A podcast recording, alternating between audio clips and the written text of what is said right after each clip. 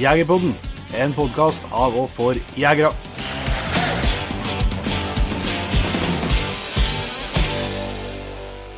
Hjertelig velkommen til en ny episode av Jegerpodden. Jeg heter Jon Petter Meldingen.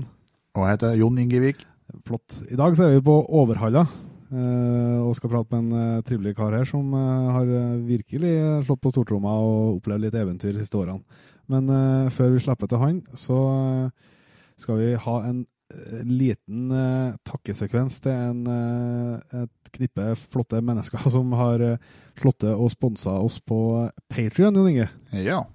Vi nevnte jo det så vidt i forrige episoden at vi skulle prøve det. Jeg har fått eh, tips om det fra flere av dere som hører på, at det bør vi sjekke ut. Det er jo egentlig bare en, ja, et slags frivillig abonnement på Jegerpodden. Eh, vi håper jo at vi skal klare å få inn mye folk der etter hvert, så at vi kan tilby kanskje litt enda mer eh, innhold til, til dem som er med og støtter. Men eh, det er jo i hvert fall gjør livet og for podkastlivet vårt mye enklere hvis det her ruller på sånn som det har gjort til nå.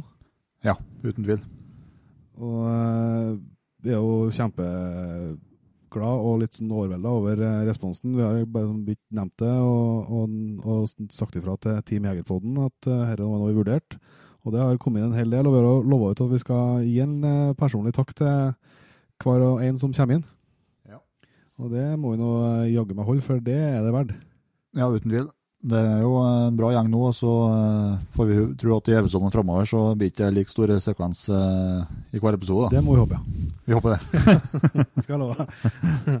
Nei, men vi får ta det litt i etapper, selvsagt. eh, Men eh, det, er, det betyr mye for oss. Så tusen takk eh. Eh, Det er altså de som har eh, patrions i dag. Det er Adrian Nilsen Hovd, Alexander eh, Rundgren, Arild Gjelde, Asbjørn Øyen, Cato Holm, Christer Øverås, Kristoffer Bedsvåg, Daniel Kristoffersen, Espen Dahl Mortensen Espen Storholm, det står. yes. Ja. og Hunting with Negg Og Håkon Pedersen. og Ingvar eh, Herrefoss Jon Mikkel Unnskår og Jørgen Vik Kim Birkeland. og Knut Larsen Christian Egge. og Christian Stene Lars Christian Solheim. og Lillegutt Rytters Mats Stavle og Mats Gjelland Marius Tangen. og Martin Haugestad Martin Stormyrbakken. og Ola Wang Og Ole Edvard Snåsøy. og Patrik Johansen Robert Åkvik. og Rune Rokne Steffen Torgersbråten. og Thomas Engan Tommy Brokaug. og Tor Mikkelsen Og Vildbakken Vildbakken. Wildbakken. Wildbakken. Yes. Så tusen hjertelig takk. eh, Det ble litt oppramsing her, men tusen hjertelig takk til alle dere. Det setter vi kjempestor pris på. Og eh, Sitter du nå og føler at eh, kanskje jeg skal sjekke ut P3-en, så gjør du det enkelt med å gå inn på egerpodden.no, så finner du infoen du trenger. Men det var nok, eh, nok eh, om det for i dag. Eh, Nå skal vi slippe til en kar som også heter for August Lie. Hjertelig velkommen til Jegerpodden. Jo, takk, takk. Vi har jo ønska å prate med deg en ganske god stund. Vi Ja. eh, har jo fulgt med litt eh, både på sosiale medier, og vi er jo litt i samme lokalområde. Så du har jo eh, levd et ganske eventyrlig liv de siste, siste årene. Jo, jeg har farta litt rundt, så det har vært litt vanskelig å få tak i. Men jeg har jo vært litt her og der og jakta. Ja, det kan jeg trygt si. Men hvis vi skal komme tilbake til Kan du starte med å fortelle litt om deg sjøl, August? Ja, jeg heter August Lid. Jeg kommer fra Overhalla. Jeg er 24 og jobber som jaktguide. Blir 24 i morgen. Jeg blir 24 i morgen. Gratulerer med dagen som har kommet når dette er på eteren. Ja, takk, takk, takk, takk. Altså, du, du har eh, Du er jo ikke, du ikke så gamle karen, da, hvis jeg som er blitt 30, vet du. Men, eh, men du har jakta og vært ganske aktiv jeger i mange år. Ja, det er nå egentlig fra, fra starten av. Eh, Det var når jeg var med på elgjakt fra to-tre år, sikkert. Ja. Det henger noen bilder rundt det huset her med en som sitter oppi et elghånd og triller rundt. Så jeg var fortapt ganske tidligere. Ja.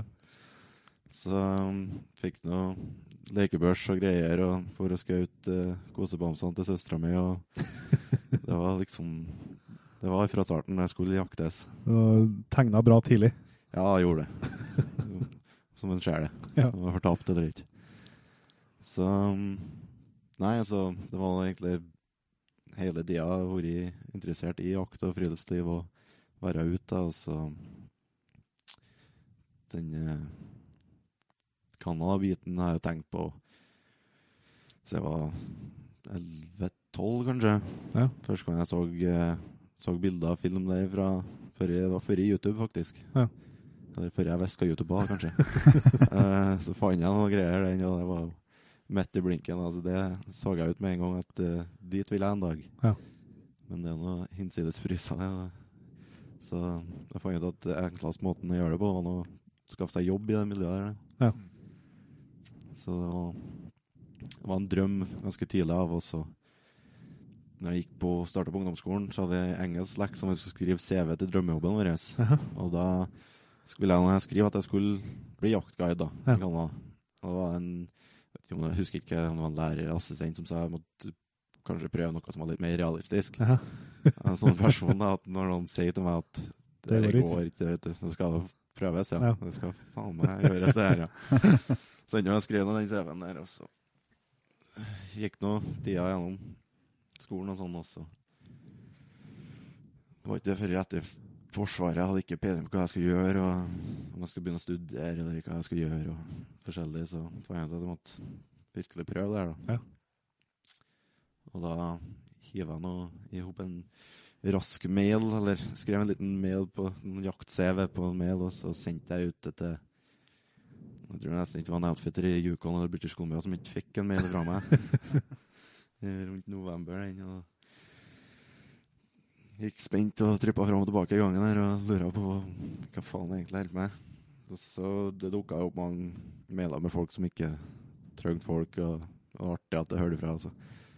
En dag så dukka opp en som sa at jo, det er greit, det, du skal få prøve deg, du, men da må du komme i mai, og så kan ikke jeg garantere at jeg skal gi deg lønn. Men du skal få prøve det. Ja. Så jeg tror det var kvelden etterpå så kjøpte jeg meg en Alias-billett til Vancouver.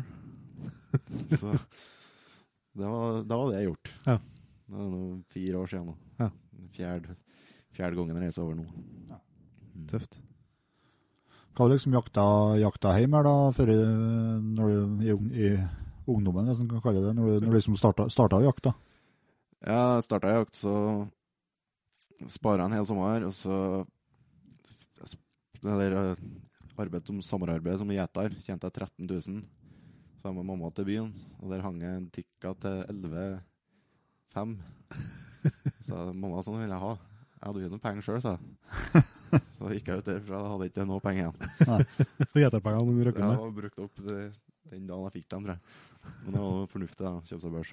Så start, jeg starta jakt eh, Første viltet jeg skjøt, var en rev, og den skjøt jeg på lokk da, med den børsa. Ja. Så dro jeg på skolen etterpå. Pass på å være inni. Ja. Dro på skolen etterpå, jævla stolt var den. Og så ble det noe bever, og så starta starta på elg og hjort og rådyr og ja, det som var egentlig mulighet for jakt på det jakta jeg på. Tøft. Er det noe, har dere hunder, dere, eller? Jeg er oppvokst i, i en gråhundsfamilie, da, Oh, da. og bannhund i tillegg. Au, au. Så jeg vet det. Men uh, det var på videregående. Pappa hadde en bannhund som ikke egna til å bli noen bannhund. Jeg syns løshundjakt så sånn jævla artig ut. Jeg har vært med og sluppet hund en gang, og los var dritartig. Så jeg tok noe her sist på han, så begynte jeg å slippe. henne. Så ødelagte han skikkelig for bannhund. Ja. Så han ga han opp til slutt, og så fikk jeg den hunden. Så vi for noen turer litt rundt. eh, Gikk på videregående oppe i Grong og slepte den. og nå som regel stakk noe av med en elg og for på milevis og måtte til veien og hente den forskjellig. Så det var egentlig ikke egna som nå, men det var jævla artig, da. Det var artig å høre los, og den ene og andre gangen det ble stopp og forskjellig. Altså. det var noe jævla artig. Altså. Det ble ikke uh, siste hund, nei. Hva det blir for noen rase, det vet ikke jeg. nei. Nei, altså, klart, når du er du er såpass mye på reisefot, så er det ikke bare å ha hund, hund heller. Nei, det er ikke det. Det blir ikke noe hund med det første nå, det er sikkert. Da Nei. Da vil jeg være der, så klart. Og så er vi alltid litt nysgjerrig på våpen, da. Så vi kjøre i gang villmarkspraten. Ja, det er, det er jo forrige litt uh, fram og tilbake der, da. Det var den Tikkaen, og den Det var, er jo sånn Litt som en Jon Inge der, at jeg liker utstyr, da. Ja, Så- det, bra. Det måtte jo handles, da. Så det ble litt forskjellig eh, Alt mulig fra montasjer til stokker og, sånn er forskjellig. jeg brukte nå litt for mye penger på å gjøre det T3-en min så spesiell, da. Ja, ja. Så jeg innså til slutt at det var bare bortkasta. Altså. Da gikk jeg på og kjøpte en en Mauser, og så begynte jeg på med den. da. Kasta bort enda mer penger på den. Og så enda og enda. Det går da som faen, men Så um, ble da den bøtta ut, og så ja, fant jeg ut at i stedet for å holde på å bøtte pipa sånn på det her, så får jeg nå faen meg kjøpe meg systembørst. da, Så røyk jeg visst på en blazer, jeg da. Gjorde det? Jeg gjorde det. så den, eh, den står nå her ennå. Den har ikke jeg noen planer om å kvitte meg med. Nei, nei. Min levetid, i hvert fall. Høres fornuftig ut. Men eh, du sa jo litt om eh, at du begynte å søke eh, og snakke med en masse outfittere om å få, uh, få prøvd deg. Eh, når du tok den eh, Når du satte på flyet og tok den uh, til Vancouver, da, hvordan, uh, hvordan starta det, eh, starta det når du kom dit? Ja, jeg kom nå til Vancouver og um, hadde jo egentlig ikke anelse på hvordan jeg skulle komme meg dit jeg skulle. da. Det, var 70, det er 70 miles sør for Yukon-grensa. Ja. Så hvis du ser på kartet i forhold til hvor Vancouver er og hvor Yukon er, så er det et, et bra stykke imellom der. Ja. så um, ble det litt uh, googling på flyplassen, den, og da fant jeg ut at uh, buss, det gikk en buss som er her time. da. Så tok jeg hiva meg en taxi og for til busstasjonen og kjøpte meg billett. Den og han bak disken sa Oi, du skal langt. Så burde jeg kanskje tegna på det. Det må nå være en flyplass oppe der plassen.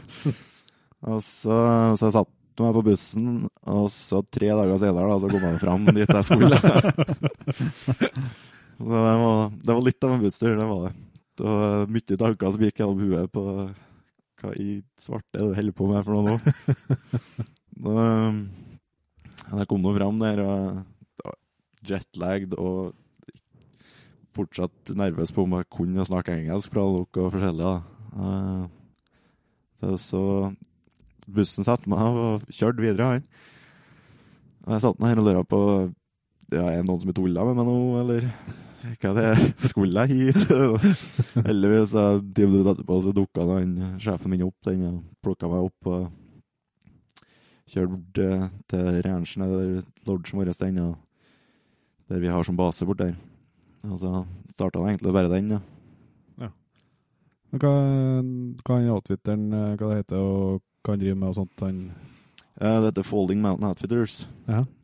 Vi har jakt på uh, stone sheep, mountain goat, uh, caribou, ren, elg, svartbjørn, elk, wapiti, og vi hadde grizzly, men det er stengt nå, dessverre. Og ulv, så klart. Så har vi noe vinteraktig på jerv og gaup og forskjellig sånt. da. Ja. Mm. Uh, og da, sånn som det er dit du du skal over dit nå Ja, jeg reiser 1. juni nå da, for å starte på forberedelsene der. Ja. Mm. Det var det ganske eh, Vi satt og prata litt. eh, Jon Petter han ble litt klar på tur hit, så han måtte sitte og sove litt i bilen. Men jeg hadde jo snakka litt eh, Det var en litt spesiell grunn til at du må dit litt tidligere i år. Ja, jeg har jo egentlig reist I fjor så reiste jeg 28. juni, og det passa egentlig bra, for da kommer det rett til å begynne å sko hestene og sånn. da. Da Folk begynner å dukke opp. Men han ringte Han var på Camp Villmark og sånn, og ringte jeg var på tur hjem der og lurte på om ikke jeg kunne komme opp for litt tidligere, da. Eller så fort som mulig. Og jeg stengte beskjeden. da. Så sa han nå holder jeg på arbeid litt hjemme og sånn, da, så jeg må ta litt tid, da. Men jeg kan prøve å komme 1. juni, da. Ja, det var greit. Jeg har vært på eh, auksjon, for at det blir, det blir jakter fra hesteryggen mye. Ja. Og det er bestandig at det blir nok hester, da, selv om vi har 120 som er på fôr om vinteren. 120 hester? Ja. Dæven. Så det ikke bestandig det blir nok. Det er ikke alle som er brukshester. da. Så han har vært på auksjon og kjøpt seg 18 hester. Og de så jo fine ut og greier og greier. Han har ikke lest så nøye gjennom det beskrivelsen. Han, ja. og så har de kommet levert i en lastbil. og Lastebilen har kjørt ned lemmen og ut av de 18 hestene, sprunget i full galopp og hoppa og hiva. Han lurer på, når han hadde kjøpt hestene her, om de skulle komme i henger og med Taug, da. Eh, det var ikke helt sånn. da. Han hadde kjøpt 18 villhester, sa han. At, eh, så det var jo ikke helt det han hadde kjøpt, da. Så da måtte må jeg over en måned tidligere og prøve å få roa ned noe av det her og se om vi får bruke det til høsten igjen. da. Ja. Det blir spennende. Ja, det skjønner jeg. Men, jeg, men hadde du noe erfaring med hester og sånt før du dro til Ghana, eller? Nei, han har sett dem og jeg kjørte forbi. Eh, Mulig jeg la på litt der, da, men jeg sa at jeg har vært borte litt, men jeg hadde, hadde ikke mye rideerfaring. da. Jeg tror ikke du får en uh, unggutt fra Åre til å innrømme at han har holdt på med hester hit tidligere. Sikkert det. Nå innrømmer jeg glatt, Ja, ja, ja. men eh, det har skjedd den andre sida av det. Det er ikke sånn at jeg står borti en stall her og klapper på dem, nei. Men uh, det ble nå en ganske bratt læringskurve der, da. Det ble det. Det tror jeg Så... ja. Jeg var ikke så veldig glad til dem heller. Det, det var ikke så lett å ha med å gjøre. Er- De er løse hele vinteren, og så må vi begynne å fange dem igjen på vårparten nå mot sommeren Ja. for å få dem inn. Så de jobber egentlig bare fire måneder i året. Det er da de jobber. Og så tar ut av dem skoene, og så sprenger de løst igjen. ja. Sånn, ja. Så de vet når de ser oss, og det begynner å bli varmt været, så skal de på jobb igjen. Ja. Så da stikker de av. ja. ja. Så må, så da må vi fange dem. Da. Så jeg skulle jo Det ble jo sagt at ja, vi må hive på en sal en kveld, så begynner vi få prøve det der da, før, før vi skal begynne å runde opp dem, som de kaller det. Men det ble jo aldri tida til, da. Så det dagen kom da, og vi skulle begynne å runde opp de hestene, så var det liksom ja, her er hesten din, her er salen din, så skal jeg vise deg hvordan du gjør det her. Og så gjorde vi det, og ut gjennom porten for vi da. Så skal vi begynne å lete etter dem. Jeg hørte, hørte skrekkhistorier hele våren og sommeren om at faen, folk detter, og du fer veggimellom, og det ser ikke ut når du er ferdig. Jeg tenkte, enten så skremmer jeg meg, eller så går dette her ikke, og jeg kommer hjem før jakta starta. det, det er jo ikke akkurat så veldig interessant å komme hjem tidlig heller. Så får når jeg rei i buskene, og så plutselig begynner vi å høre bjeller, vet du, og alt drivet bare sakker opp. og Kommer i en sånn åp åpning der, og der står det en tittolv hester. Altså, vi hadde med oss eh, kraftfôr og prøvde, prøve å lokke inn dem. Da. Så en som hoppa av med sekken. Og så et par stykker som liksom kikka på han. Da. Så andre hester bak her var lure nok, dem, at de setter bare fart. De, bare, de skulle ikke på arbeid. De setter full galopp over det strekket her. Og hestene vi sitter på, de er jo nettopp kommet av det beitet, så de vil jo være med kompisene sine. ja, ja. Så de, de gir helt faen om det sitter noen på 80-90 kilo oppå, oppå dem. Det er ikke noe ned. Nei. Så det var full galopp gjennom alt og teller og skit og lort. Og revna skjorte. Vi så ikke ut etterpå. Og når, vi, når alt ble ferdig og liksom støvet satte seg, så var det en som sa at det der er det verste jeg har vært på. Ja. Har jeg gjort det i fire år. det er første turen jeg hadde noen ganger ridd en hest.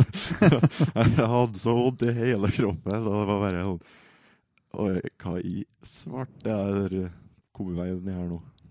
Så, men det gikk noe seg det, etter hvert. Ja. Nå, nå gleder jeg meg faktisk på å ut og gjøre det samme. Så. ja, ja, å få kontroll på det. Ja, det er ikke jeg som sitter bak, bakerst her og livredd lenger. Så. Da har vi noe annet å se på. Ja, det er noen nye nå, så kan du sette og pine dem i stedet. Men uh, det her eh, området, hvordan er det? Er det eh, statlig grunn på hvis som han, eller er det området, område, eller hvordan funker det borti der? Han leier retten til å selge jakt på det området som, okay, sånn, ja. som vi, han i der, da. Fra staten, liksom? Ja, fra staten. Ja. Så det er der, det hovedutgiften hans er den leia han betaler på det. Ja. Og så, men folk som bor i BC, kan, det er jo fortsatt statlig grunn, så de kan gå inn på hvordan som helst eh, våpen- eller friluftsforretning og kjøpe seg et løyve. da. Ja. De som, de som bor, som har bostedsadresse liksom? Ja, Ja. De som bor i British Columbia. Ja. Kommer du fra en annen stat i Canada, så må du gå gjennom en outfitter, da, sånn som oss. Ok, sånn, ja. Mm. Innebilsboende. Ja. ja. ja. Så hvis jeg, det Om ikke Norge, kan, Norge er jævla fint å bo i for jegere og det der, Mm. men en ganske tett nummer to, om ikke deler førsteplass, er British Columbia. Ja. Det er såpass Det vil si at eh, hvis vi selger ei elgjakt for 12 000 dollar, Mm. så kan en som bor i British Columbia, han kan gå til butikken og handle seg et løyve for 20 dollar. Ja. pluss, plus jaktlisensen som er på 150 dollar. Ja. Så det er liksom det han gir ut for en elg, da. Da, da det blir hyggelig kilospris, ja. Det er hygg veldig hyggelig kilospris. Det er liksom Oi! Det, altså, jeg må ikke betale noe kilospris etterpå heller, så det er liksom det er veldig tilgjengelig sånn, da. Ta. Men eh, det, hvor, hvor størrelse eh, liksom er på det terrenget han har leid eh, retten på? Det er 3800 square miles. Uh, ikke i kvadrat Det var hva de sa. Han regna ut det, han en fra Enda her. Det var like stort som Indre Namdal, eller noe sånt her. Ja. Det, var, det er ganske stort, da. Ja. det, vi får ikke jakta hele området i løpet av en høst. da. Nei, det er klart, ja, for det er jo, det er jo enormt, da. Det er ganske enormt. og det er, Du kommer jo ikke så mange plasser med kjøretøy og forskjellig sånn her. Så Nei. du må ri alt eller gå alt. da. Ja. Og mange av plassene så må du jo kutte stier sånn for å komme fram bare med sekk og greier. Ja. Så det å komme seg fra ende til ende i løpet av en høst, da er du faen meg god. Men eh, hvordan er for det, med det, det, med fly og sånt? Det er ikke, det ikke noe sånt inni der? jo, vi har eh, airstrips og alt sånt. da. Ja. Da må eh, Da rir jo vi guidene sånn inn først, da. Og så setter opp camp og venter der. Ja. Da, det er jo som regel at det blir en sånn camp som er en liten ekspedisjon å komme til. Så det tar oss fire dager å ri inn dit og sette opp camp, da. Og så kan de fly inn der på en halvtime, da. Ja, sånn, ja. Så de slipper å kaste bort eh, jaktdager på Ja, de fire dagene på ja. På transporten, liksom. Mm. Ja. Man hører jo at det er, noe, det er jo noen enorme områder som det, det er snakk om her. Ja, det er ganske stort. Det er det. Da, er, da, og da, er, da snakker vi det er ren villmark, liksom. Det er ikke en uh, Altså, det er, hvordan er det, er det fjell, altså skog og fjell, liksom? Eller er det liksom Hvordan er landskapet? Det er ganske blanda. Uh, vi har, eh, har Alaskan Highway går midt gjennom hele området vårt. Ja. Så vi kaller det bare på nord- og sørsida. Ja. Og på um, sørsida så er Der er veldig mye bratte fjell. da. Og sånn helt annen farge på fjellene. De er sånn gul-oransjeaktig. Jaha. Og så på nordsida så er ei sånn eh, Ja, det er flere, da, men ei sånn skikkelig markant fjellkjede som går gjennom. Og så bare det blir jevnes det ut mer og mer imot eh, hjørnet på Valla, Ja. si sånn. Ja. At det blir mer skog og kjetter og sånn her, så du får liksom ikke noe Du får ikke noe høyde, og du kan ikke ta en høyde liksom og bruke til å se etter elg og sånn her. For alt er like kjett, så du må nesten bare Hvis du er borti det hjørnet der, så må du bare ri rundt og håpe å støtte på en eller de lokkene. en. Ja. Og det er ganske vanskelig å jakte Vi bruker som regel ikke å jakte det hjørnet før i bladene i forrige sånn i oktober. da. For da er, da er det jungel, liksom, før Det det. er jungel, ja, det er sånn åtte-ni fot eh, høye busker, sånn som er kjett i kjett i kjett i kjett. Ja. Så du får ikke til å Hvis du skal av stien, så ja, da har du et drag fra deg, for å si det sånn. Så Men jeg hører jo da at det er jo liksom ikke La man jobber for en sånn outfitter, så det, det er jo ikke bare, det det ikke bare jakting det går på. Det er jo det er liksom arbeid med hester og mye camp og ja, det, det er det. det du, må, du må Det er en stor fordel i det hvis du kommer fra gård, da. Sånn jeg gjør det også. Jobba med dyr og sånn tidligere. Ja. Bare sånn vanlige ting som på en gård. Det blir jo mye sånn gårdsoppdrag hvis du ikke er, er ute og jakter. Hvis det er rundt campen her og Ja. sånn her. For det er, jo, det er jo alltid noen hester der, og det er alltid noe som må gjøres. Så bare det, sånne ting da, må, skal gjøres, og så er det noe plukke stein og sånn der, og når du kommer tidlig nok, da hvis du får lure deg over i mai for å på, liksom skal prøve deg, så blir det fort noe sånn steinplukking eller noe sånn drit, da, bare for å Canada plukke stein, ja. se om du gjør det. det liksom, ja. Og det første året er jo første gangen liksom, du reiser over og ikke har noe erfaring. Altså, du starter ikke som starter ikke på toppen av kjedet, liksom. Du er ikke guide med en gang. Og første året var det jeg Wrangler. Noe som- Det er han som er lavest på næringskjeden, skal Ja, du si. ja. Det er han som går, gjør, eh, henter hestene om morgenen, passer på dem, saler dem opp om morgenen, og så sender dem av gårde om, om kvelden, da, så de får gå og beite. Ja. Og så hvis de prøver å rømme, så er det din oppgave å finne dem. og det sånn der, da. Ja.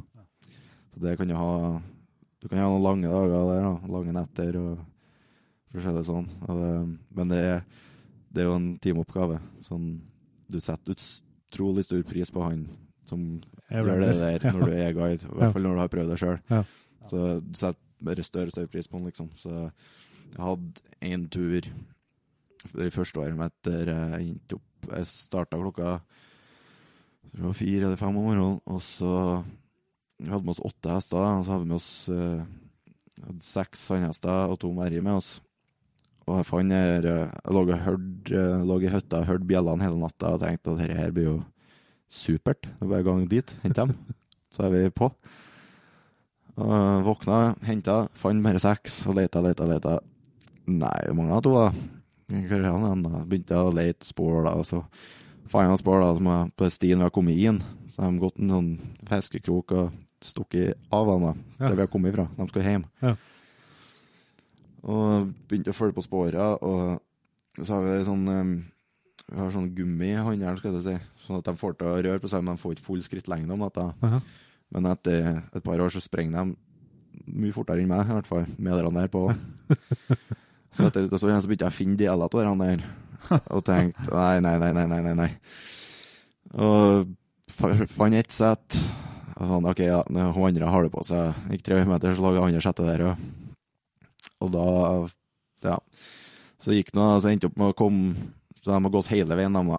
Så jeg fikk uh, kutta av dem uh, en kilometer fra enden uh, av veien uh, som vi hadde kommet igjen dagen før. Ja, den, å ri den veien tar åtte timer. Ja. Så jeg fikk kutta av en kilometer før slutten av den veien. da. Der har vi et gjerde som vi bruker å samle på hvis vi skal ut neste morgen, liksom. Så, så fikk samla dem inni gjerdet der og gitt dem litt kraftfôr og litt skinnpreken og vurdert hvor mye ei sånn her kosta og forskjellig. Så jeg, tok jeg meg litt ut til hodet. Jeg hadde ikke med meg, Det er jo ikke telefondekning, eller noe, men jeg hadde ikke med meg satellittelefon eh, eller noe sånt. her, Så jeg kom meg ut til hovedveien. da. Eh, Sto der i full kamo med hegl på ryggen og haika. Ja. da, jeg vet ikke hvorfor, men det var nå en som stoppa her. da. Og han kjørte meg tilbake da. Og var vel åtte-ni om kvelden da jeg kom tilbake. Ja. Da hadde jeg funnet en halv eh, Snickers eh, på den veien. Hadde ikke spist noe annet enn den hele tiden. Det var 38 km etter den veien. da. Så det, på den turen her så lå jeg vekk og drakk og tenkte hva i svart er det med nå, da? du kan ikke noe om hester, du kan ikke noe om det her. For det bare her og går. Jeg skjønner at det er lett bratt læringskurve, men du sa at du starta som wrangler, da, men må du ha noe, noe godkjenning for å bli eh, guide videre, eller hvordan funker det? Ja, du må ta en prøve.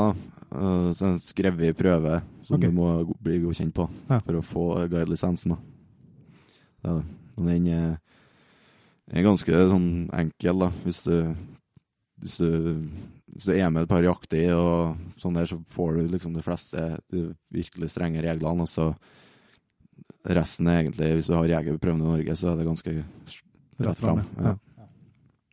Det er det. Men hvordan eh, Så da er det gjester fra hele verden som, eh, som kommer og er med dere der, eller er det mye, liksom, er det mye amerikanere, eller hvordan, hvordan henger dere? Ja, det er noe Jeg vil si det er 90% amerikanere. Okay. Men vi har gjester fra hele verden, ja. Ja, ja. Så du får treffe veldig mye forskjellige folk, da. Ja. Det gjør det. På godt, på godt og vondt. På godt og vondt. Så men, eh, du, kommer, du må nå gå overens hvis du skal holde ut 14 dager i samme telt og samme hytte. Så må du på en måte bare sette sånne forskjeller til side. Så, sånn, altså. Ja, for her er det ikke noe, noe hvitduk og, eh, og sånt uh, opplegg her. er Det det er virkelig villmarksliv som er Ja, du får, eh, du får sette på en sånn pakkboks som eh, hestene får å bære på å gjette middagen din av en papptall. Ja. Det er ofte det skjer, ja. Det, Ja. Du blir ikke tatt på med silkehansker, nei. Men hvordan er det liksom sånn at For dere har den her hovedranchen, liksom. Ja. Det, så dere dere reiser alt derifra? Ja, vi reiser så å si alltid derifra. Med mindre vi er ute i en sånn camp, og de blir sendt inn til oss. Da. ja. Men som regel så treffes vi på eh, lodgen og har eh, middag og forskjellige skjøteinnbørser og sånn, og så reiser vi ut derifra. Ja. Mm. Kan du fortelle litt om dere når, når, når dere får gjester som, som kommer, også liksom gangen tider? Ja, det kan jeg gjøre. Ja, som regel, altså det, Vi drar og henter dem på flyplassen i Fort Nelson, som er nærmeste by. Og så kjører vi tilbake og går gjennom utstyr og forskjellig, og hva for noen planer vi har, som guiden har, og sånn. Og så tar vi innskjøting, og da skjøter vi bestandig inn på 300 meter. Og så hvis de er komfortable, så prøver vi litt lengre hold, bare for å se at de er kapable til å klare det. da. Ja, for det kan bli freske friske hold på jakten her, altså. Det kan bli friske hold. Og det er mye likere å Du har sittet sammen med en som har eh, truffet en stålplata vi har på 780, når han eh, du har med en som har skutt på 300. Og når du begynner å nærme deg elgen, at han begynner å si 'jeg klarer 600', jeg. Ja, Det er ikke noe problem. Nei, nei. Så det er Greit å vite litt, Ja, det er greit å vite litt, da. Hva du har med å gjøre. Har de stort sett med seg egne våpen, da? Ja, flestene har med seg egne våpen. Ja. De har det. Så de kjenner dem. Og så noen som låner og sånn, og da setter vi dem opp. Da skjøter vi inn med dem og sånn, så det er ikke noe problem. Og så, ja, så har vi én natt der, og i løpet av den kvelden så pakker jeg som regel ned utstyret deres i så mye som vi klarer i pakkboksene til hestene, og ser hva vi får plass til og sånn her. Så de slipper å ri med ryggsekker, og hvis de har med seg mye unødvendig utstyr som er vekt og sånn der, som, så vi slipper å ta med det inn og sånn, Ja, pluk, plukket av dem det som ikke de trenger. som regel. Ja. Og så eh, neste morgen da, så hiver vi oss i bilene. Vi er klare før frokost, og så møter de frokost, og så kjører vi enten ut da, til der stiene starter og sånn, og så tar vi derifra der. For du får jo aldri planlagt ting når du har med hestene der å gjøre, og sånne, sånne ting som elvene er for høy, eller du med noen hester som ikke er vant til det, og sånn der. Så sånn tidsrammer og sånn etter det er ganske vanskelig å sette, da. Ja.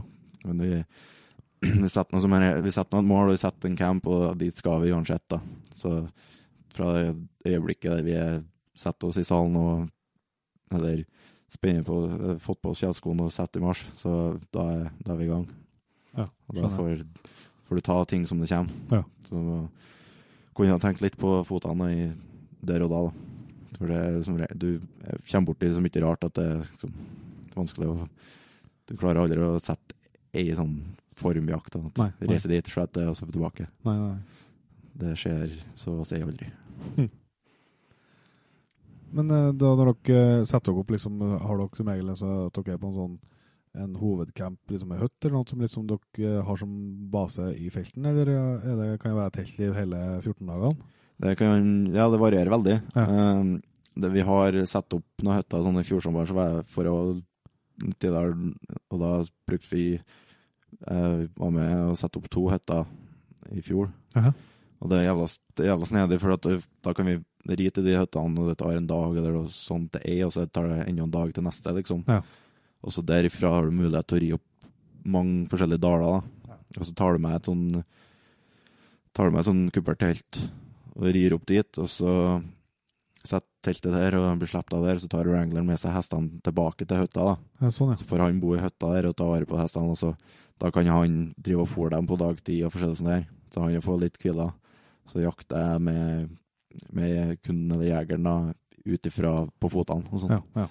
Så vi prøver å ha Enten så har vi et stort, hvitt øh, sånn øh, duktelt med ramme, og, og prøver å få til seng. Sånn feltseng. Ja. Eller så er vi til hytta. Så vi prøver å ha det som hovedbase. også, men det kan bli sånn øh, spike-out, som vi kaller at vi reiser ut til en, en sekundærcamp. da. Ja. For å, For å Øke en- mulighetene, da. Ja, for å nå en annen del av terrenget. men det er som regel prøver å- Vi prøver som regel å jakte ferdig jakte så mye vi klarer ifra den campen, der sånn, men av og til så blir distansene for store. Ja. At du, du kommer ikke til bakerst enden av den dalen der før i godtida liksom, før elg er over. Så elgen har lagt seg ned og sånn der, og når buskas og sånn, det går som regel opp, eh, opp på kassa til meg, eh, nesten to meter. Ja. Så det er vanskelig å se en elg når den er helt nedi det, og det er fortsatt grønt på buskene, liksom. Så Mm. det vil være der om, i grålesninga, og du vil se den da. Jeg kan se for meg at det var ganske mye gjester som blir overraska over hvor uh, lenge 14 dager i den villmarka er. da. Det er det. Det er, det er mange som begynner på dag sju-åtte Ja. og setter eh, begynner, Som guide så får du alltid sånn litt av tvil når du, du jobber så hardt og klarer for å få til det her, men så blir det liksom Du du får aldri den flaksa du trenger. Nei. For det er jo en del flaks, det òg. Så begynner de å sette tvil på det i tillegg, og sånn om kveldene. Så eh, det er jo bare å fortsette å gnu på og så overbevise han jegeren om at det er bare det er bare én ting å gjøre, det er fortsett. Ja. Du har så mange dager at uh, vi skal klare det. her, Altså. Som regel, da, så Hvis en har flere dyr, så regel så lykkes vi på hvert fall ett av dem. Ja, Hvordan funker det sånn at, eh, eh, altså at de folk kan, kan kjøpe lisens til å skjøte alt liksom på én tur? Eller altså, de kan skjøte det som dukker opp, eller er gjerne at, de skjø, at, eh, at det er en som skal skjøte en elg, eller hvordan, hvordan funker det? Det er som regel at de skjøter ett eller to dyr. da. Vi har det det vi kaller for- mixed bag. da. At Ja. de kjøper én eller to lisenser. Ja. Vi har hatt folk som har kjøpt alt, da. Ja. Eh, men det blir liksom Det blir veldig mye på kort tid. da. Ja. 14 dager for å fylle alt, det, det er ikke så lenge. Du må reise litt her og der for å, for å nå de beste områdene for enkelte arter. da. Men det er jo så klart det er jo veldig artig da, når du har flere lisenser i lomma. Om du har eh, fire lisenser i lomma, og du rir inn en dal, liksom, så er det liksom Nå kan ting skje fort og med en gang, og Ja. det, det er veldig artig, da. Så favoritten er Grizzly nå er stengt nå, men favoritten min er til der var det Grizzly, Mountain Goat og elg. Ja. For du har jo såpass variasjon. Ja. Og da det er liksom du er, du er på hugget hele tida, men når du har alle de tre artene her, så er du veldig på hugget. Ja. For det er liksom, du kommer til å se noe her da snart. Du vet at du kommer til å se noe nesten hver dag da, Ja. innen de tre artene. Så det er bare å vurdere om det er riktig. da. Du sier at uh, gris, grizzlyen er stengt. Er det, er det, er det bestand som er for dårlig til at det ikke er jakt, jakt nå, eller? Nei, bestanden han har aldri vært høyere. Det er kun politikk. Ja. Og det er kun fordi at de fleste stemmene ligger i Vancouver. Ja. Så enkelt er det. Det er bare borti De slipper med politikken der, altså. De gjør det, ja. Det er ikke bare her til lands, nei. Det, så han Det er ingen Det er ikke noe problem med grizzlybestanden. Som jeg vet, over På sju dager Nei, på fem dager så så jeg sju bjørner. Ja. Og binde med to unger og binde her og sånn Ja, ja. Så liksom Det er ikke noe, det ikke noe problem. Liksom, du, på hver tur du er på, så kommer du til å se i hvert fall en grizzly. Hvis du er ute mer enn en uke. Ja. Så ser du i hvert fall en grizzly. Hæ. Vi har lite med svartbyer, Ja. og det er fordi at vi har så mye grizzly. Ja, ja. Ja, for de er ikke noen venner, dem, altså. Nei, de er ikke venner, og grizzlyen er ikke noen. Altså, Det gjør det? altså, vi har ikke de beste områdene for, eh, for svartbjørn. heller. vi har ikke, her, vi har ikke skogsdrifta og sånn der, som de har litt sør, i, sør om oss i. Da. Så eh, vi har eh, mer uh, egna områder for uh, grizzly og, og ulv og sånn. da. Er lettere områder for ulv nøyaktig. Ja, du snakker om Hogstad og sånn. eh, Hva den har, hva det har sammenheng med, med svartbjørn å gjøre? Det blir jo skogsbevegger, og så får de jo eh, hogstflater. Og så der kommer opp nygresset kommer opp så mye fortere. Om våren så er jo, jo svartbjørn Han heter jo gress, og det synger etter. Ja. Og det er jo sånn Når du kjører kjører hovedveien òg, så står det jo det store svartbjørn, svartbjørn i grøfta, liksom. Ja. Ser på, på Går i et gress og gress og gress. Mm. Så det liksom De sentrerer seg litt mer der, og så er det mer mat der, da. Ja. Så det er mer folk, og de kan dra på en søppelfylling og finne seg mat der, og om det står dårlig til, liksom, så Grislin er mer et villmarks, en villmarksbjørn i forhold til Ja, de er, de er nede der òg. De er overalt, men det, det Han er han er jo gress og sånn, han ja. Det gjør han. Så de er jo altetende, begge artene, så. Men hva er det som er mest populære jakta til deres gjester? da? Hva det går mest i? Det går mest i uh, elg og mountain goat. Ja. Og uh, vi er utsolgt for uh, Stoneship fram til 2022. Så Men det er jo det er begrensa lever. Ja, sånn, ja. elg og snøye tar vi fri avskjøting på. Så det er egentlig bare for å um, Det spørs hvor mange guider som vi har, da. Ja. Vi, har, vi prøver å ha et uh, sånn Et eh, tall som er bærekraftig, da. Mm. Så vi, vi kjører ikke Vi pumper ikke på med stygge mange guider de to månedene vi kan skjøte uh, elg og sånn for å tjene penger på det. Vi Nei. prøver å holde en Prøver å holde liksom nummeret rundt 7-8 da, Og så kjører vi heller prøver å spre det ut så mye som mulig. Ja. Og så hvis det blir tatt for mange på nordsida, så flytter vi til sørsida, og så sånn, da. Og det er jo ikke Jeg har sett eh, litt på, på Instagrammen din, og det er jo ikke, det er jo ikke direkte Det er jo ikke- småoksene dere går etter. Nei, det, det er jo ikke det, da. Det er jo veldig sånn eh, Vi går på alder og, og trofé, da. Men det trofé bestemmes av alder igjen, da. Så um, vi skjøt eh, det, er kun, eh, det er kun lov å skjøte en elgokse som enten har eh, tre på en front, Ja. eller har Hvis den har ei sånn krabbeklo som vi kaller at den bare har to på en front, så må den ha ti spir på ei av sidene. Ja. Og det er veldig mange av de eldre oksene da, som er store og går høyt opp i klassene, liksom i, i score og sånn, som kun har to. Så de er blitt såpass gamle at de er liksom, de taggene bak er bare blitt til én. Så det er bare helt, Ja, sånn, ja. helt glatt bakpå her, da. Ja. Så de går nå der og bare Vi, kan- vi kan ikke gjøre noe med det, liksom. Nei, For nei. at de, de er ikke uh, lovlige i den forstand. De er jo så klart gamle nok, så vi, vi ønsker å få lov til å ta noen sånne, men vi, det, vi får ikke lov av, eh, av staten. da.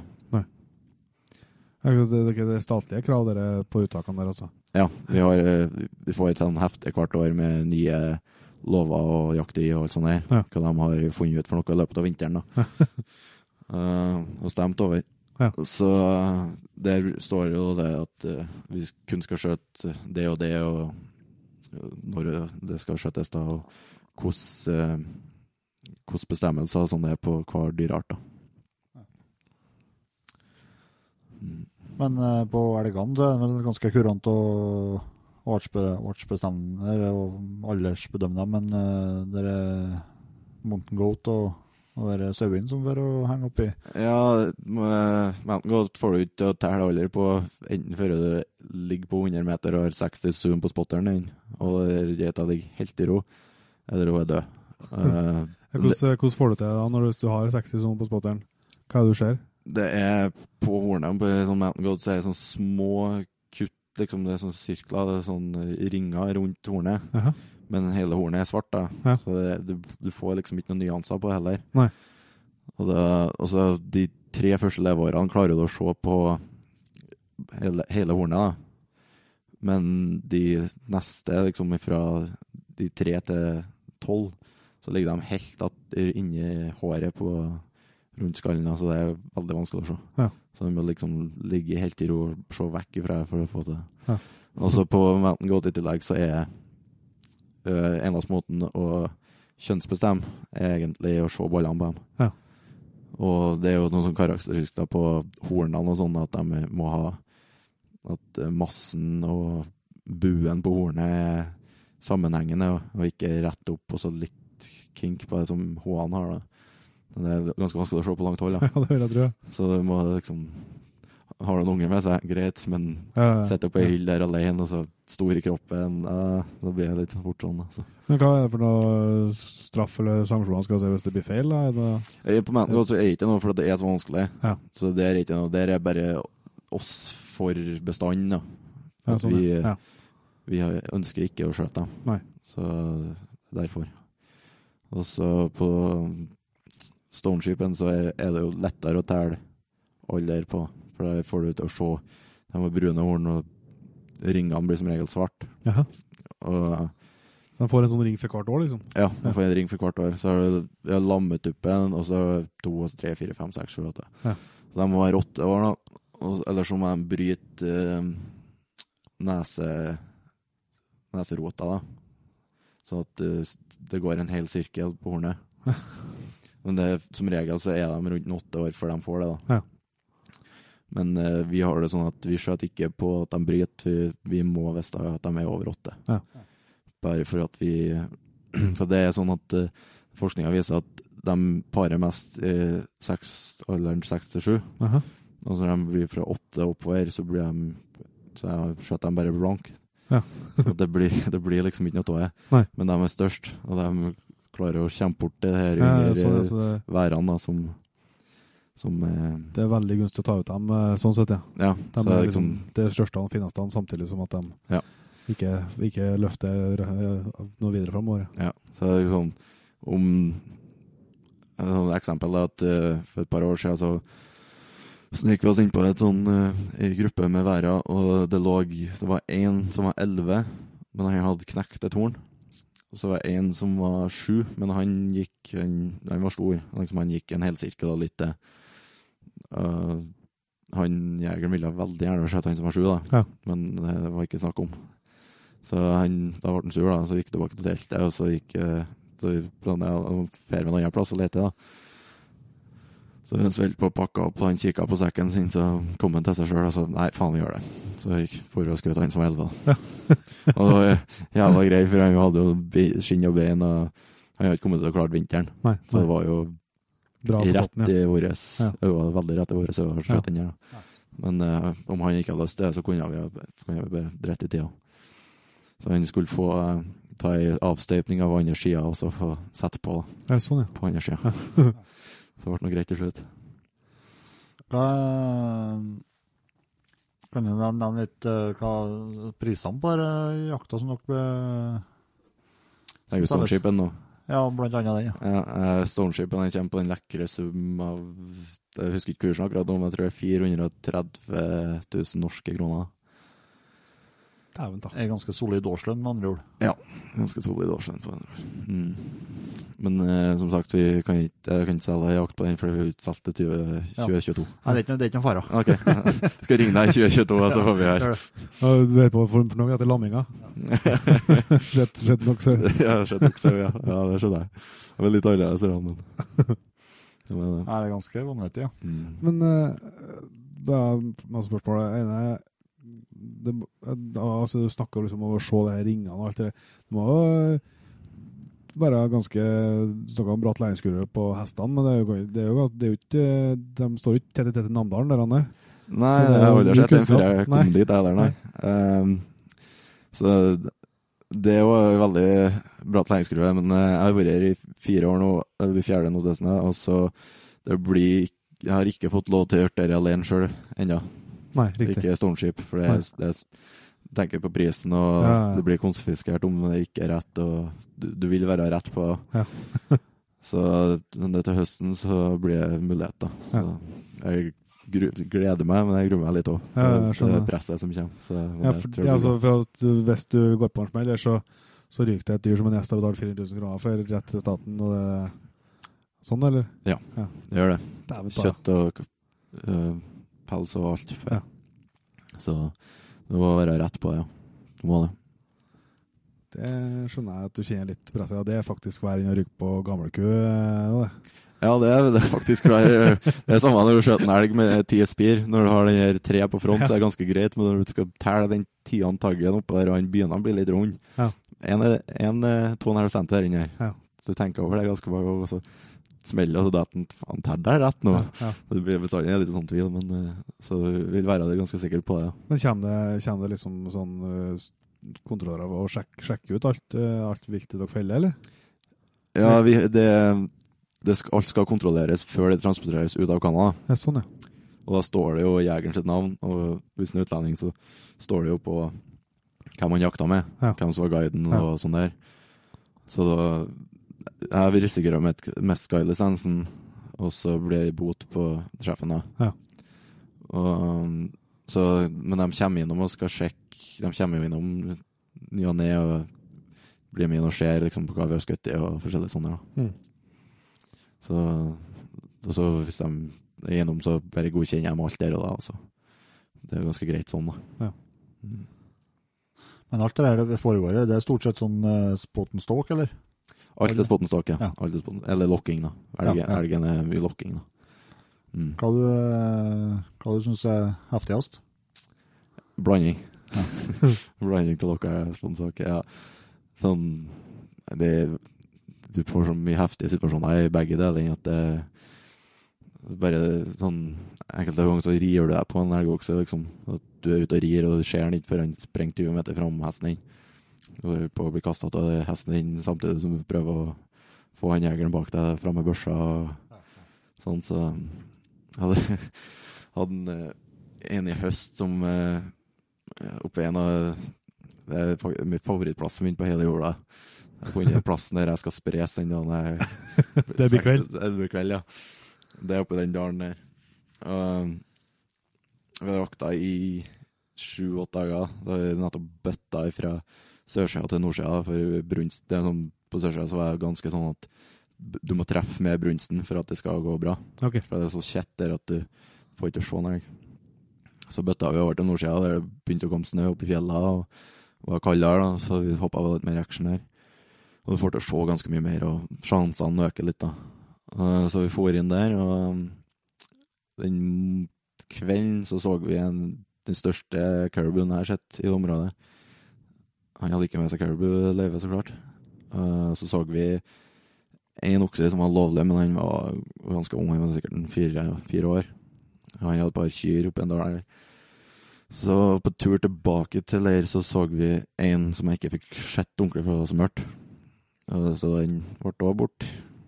Og så ble, kom det jo fram det her tvilet til han den kvelden her da, at hvordan det her skal lykkes. gå, Ja, ja. ditten og datten. Og så sa han ved moro, så blir jeg. Ja.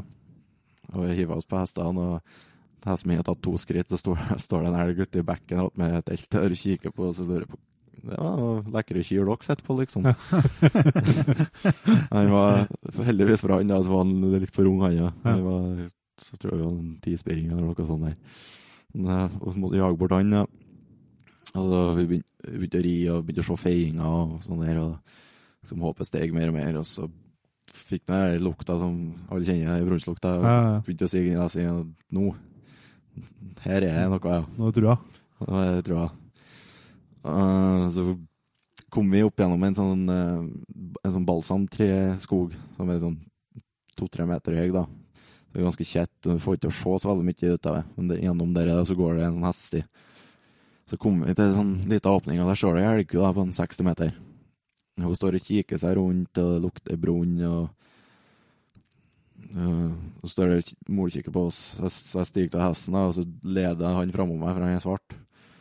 Så hun står og bare kikker på hesten, og så bare går hun fint og rolig forbi, og så på oversida til oss. Så begynner vi bare å gå med hestene i, i taugene nedom. Så går vi forbi ei luke, og der står det ei ku og en kalv. Neste luke kikker jeg litt eh, i syskinnet, der, så bare ser jeg en skovl som står ut noen 80 meter på sida av meg. Så jeg sånn, trekker meg rolig tilbake, og den hesten min er blind på et øye.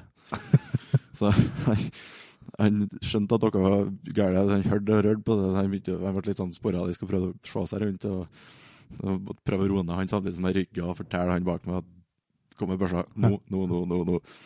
Så kikker jeg fram igjen, og så ser det uten å ta opp kikkerten at han hadde tre på en front der, da. Så jeg bare sånn vinka fram og bare 80 yards skjøt, for faen.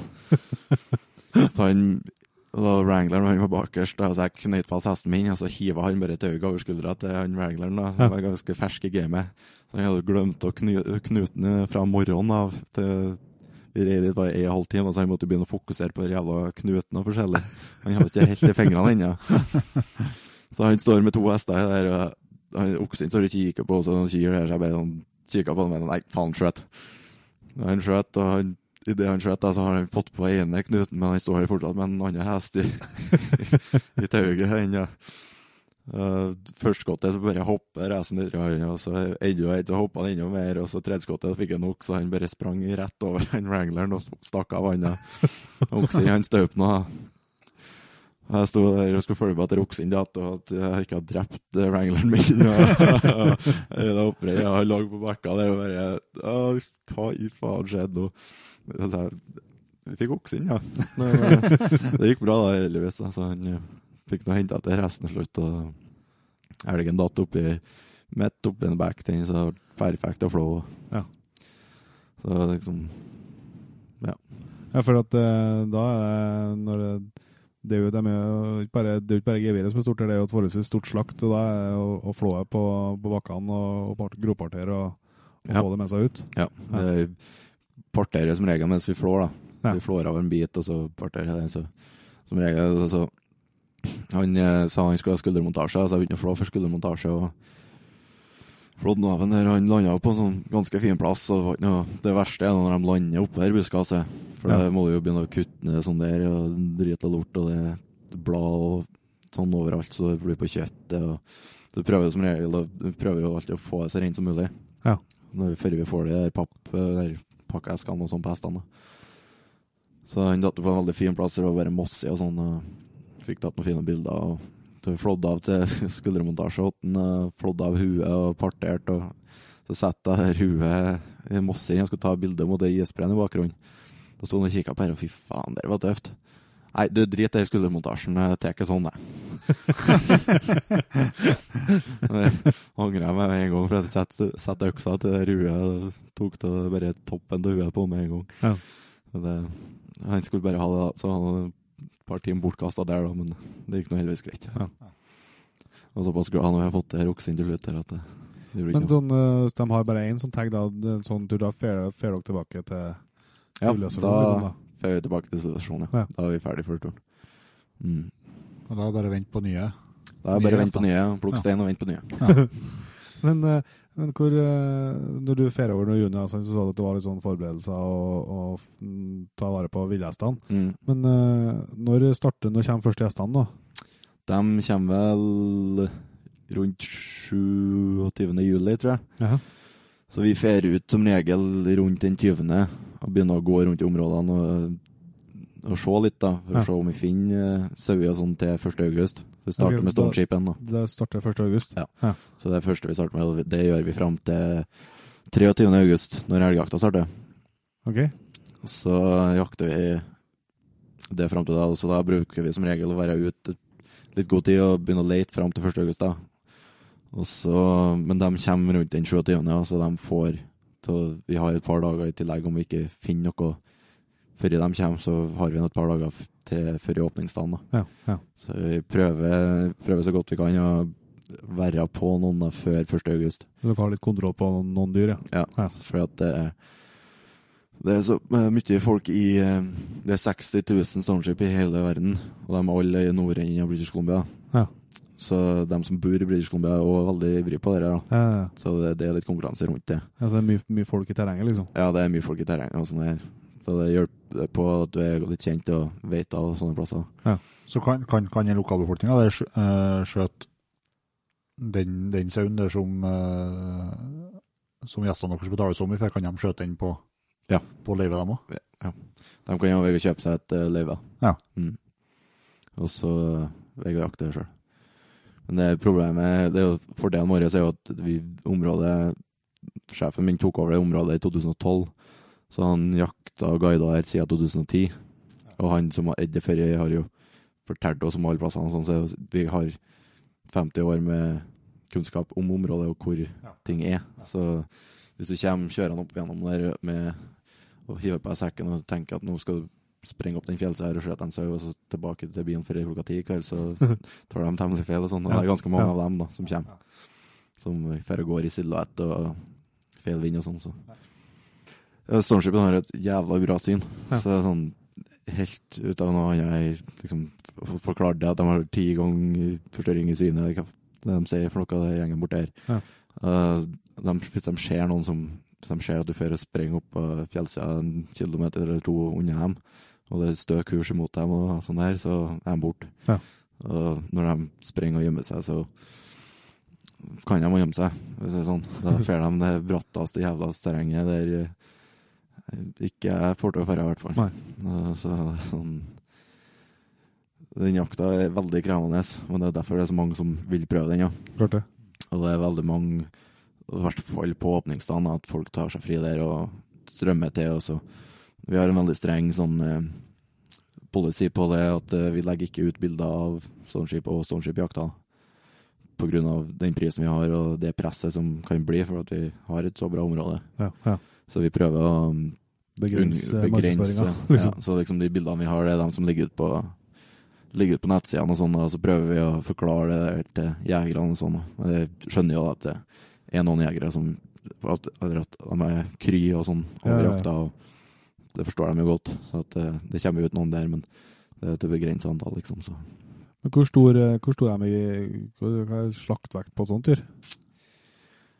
Eh, slaktvekt på en sånn den vil vel være 80 kilo, kanskje. Ja. 80-90 kilo.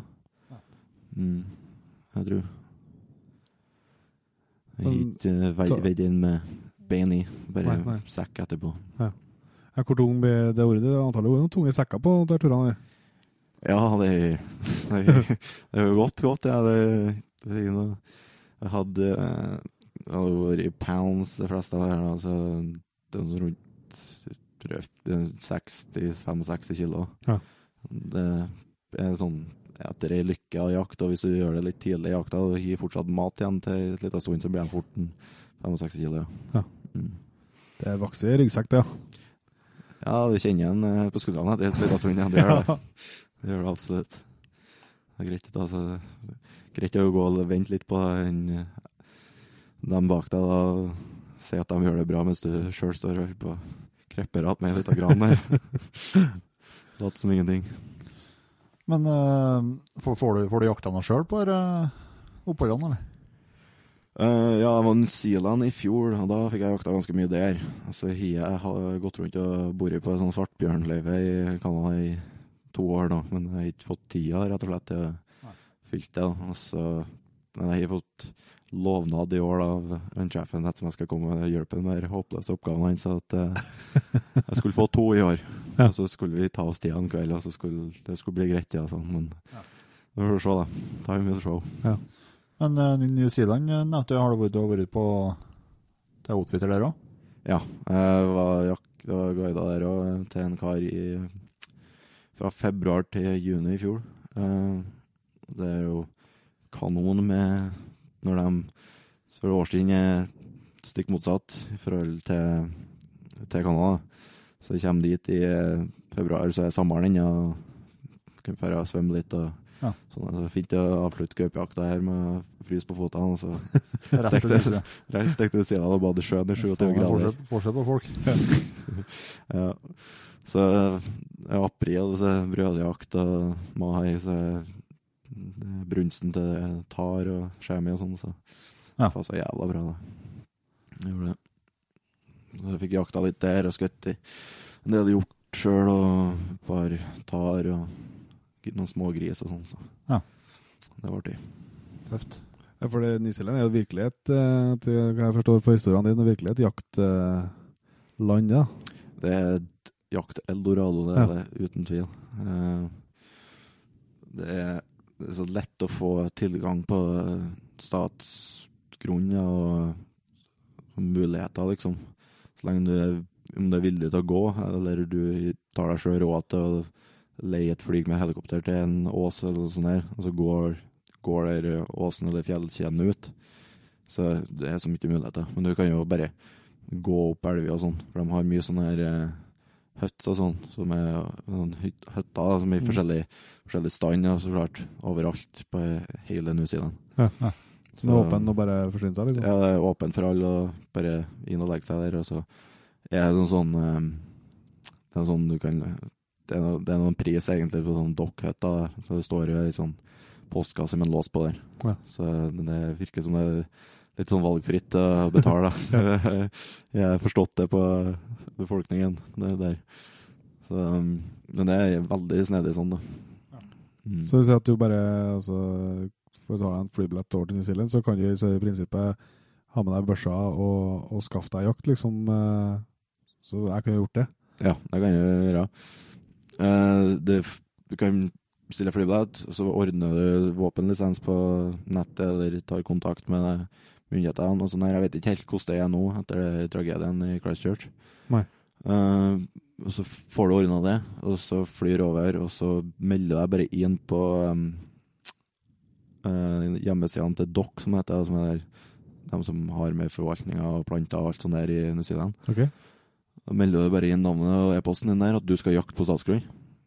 Og så er det greit. Så er det bare opp med kartet og finne en plass. Og begynne å jakte.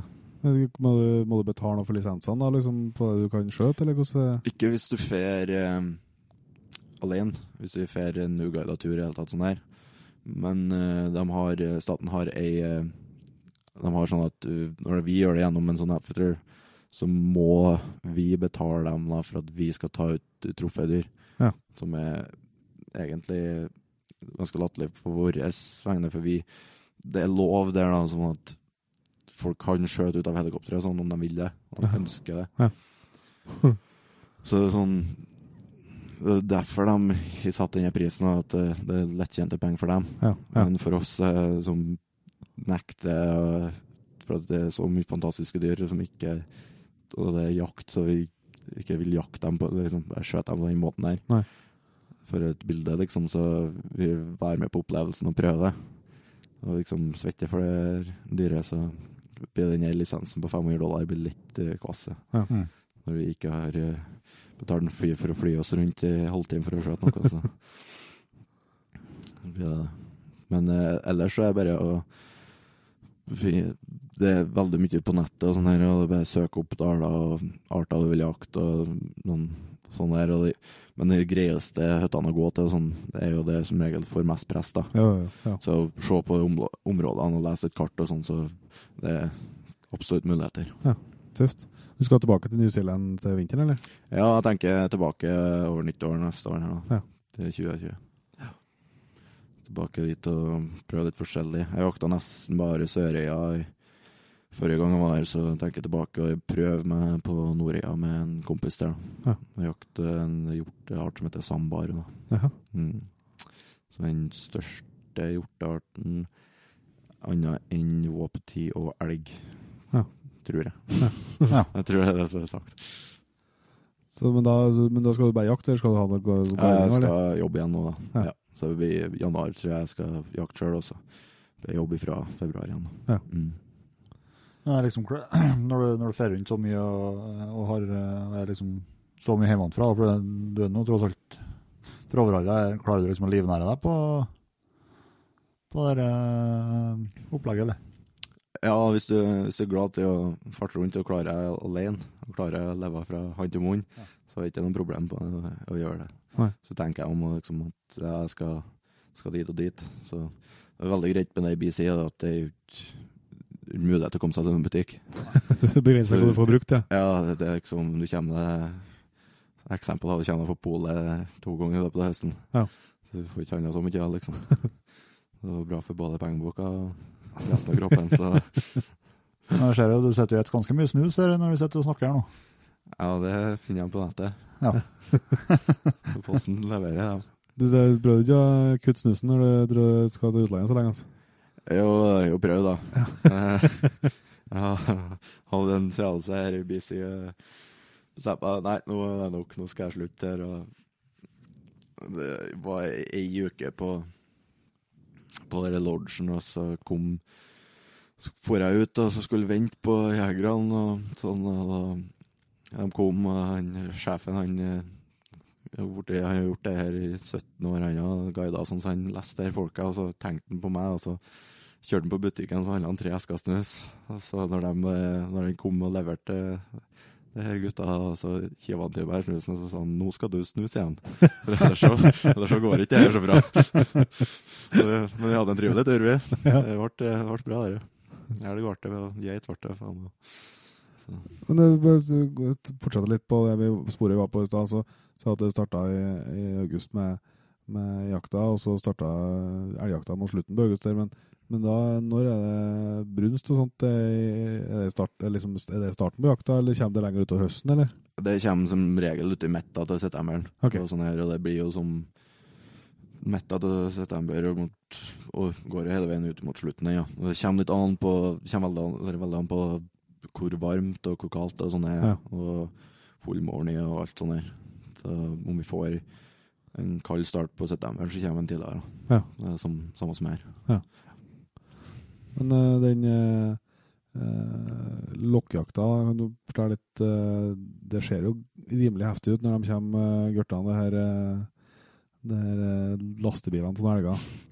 Ja, det, det er jo opplevelse. Det, det Alle må prøve å lokke igjen en elg, ja. Eh, uansett om det er her eller der. Det er når du får den første responsen oppe i fjellsida her, og du har følt deg som en tulling som har stått og kauka ut rundt et lite tjern borti der. og Det kommer en sånn respons fra lia. ennå. Det får blodet til å bruse ganske bra. Ja. Ja. Det blir, uansett hvor mange ganger du gjør det, så like artig hver gang. Uansett størrelser som dukker opp der. Ja. Du tenker jo alltid at uh, her kommer et monster som har rømt fra Alaska, som er 79 tommer vi og 30 spir, men eh, like artig når det dukker fram en femspiring. Ja. Ja. Det er. Men uh, hvor eh, hvordan den, da, da dere på områder der dere vet dere har sett noen, eller liksom er det bare der dere har trua? Liksom, hvordan legger dere opp Lokkejakta blir veldig sånn at vi vi prøver å eh, sikte oss inn rundt områder der vi vet det holder elg, eller at vi det er sånn områder der det burde holde elg, da. Ja. Sånn rundt eh, Og vi prøver liksom å den Oppi, oppi fjellet, opp, høyt opp, så blir spot and stalk Mm. mest egna. For da får du får til å se en kilometer eller to og sånn her. Og så sitter med kikkerten og ser det, og så eventuelt snike seg inn, og så begynne å lokke. Eller eh, altså lenger ned rundt elver og bekker og, og sånn, der det er granskog, og så er det noen åpne flekker, liksom, og bruke dem til å lokke. Ja. Og så, så du bøtter liksom litt på det. Mm. Mm.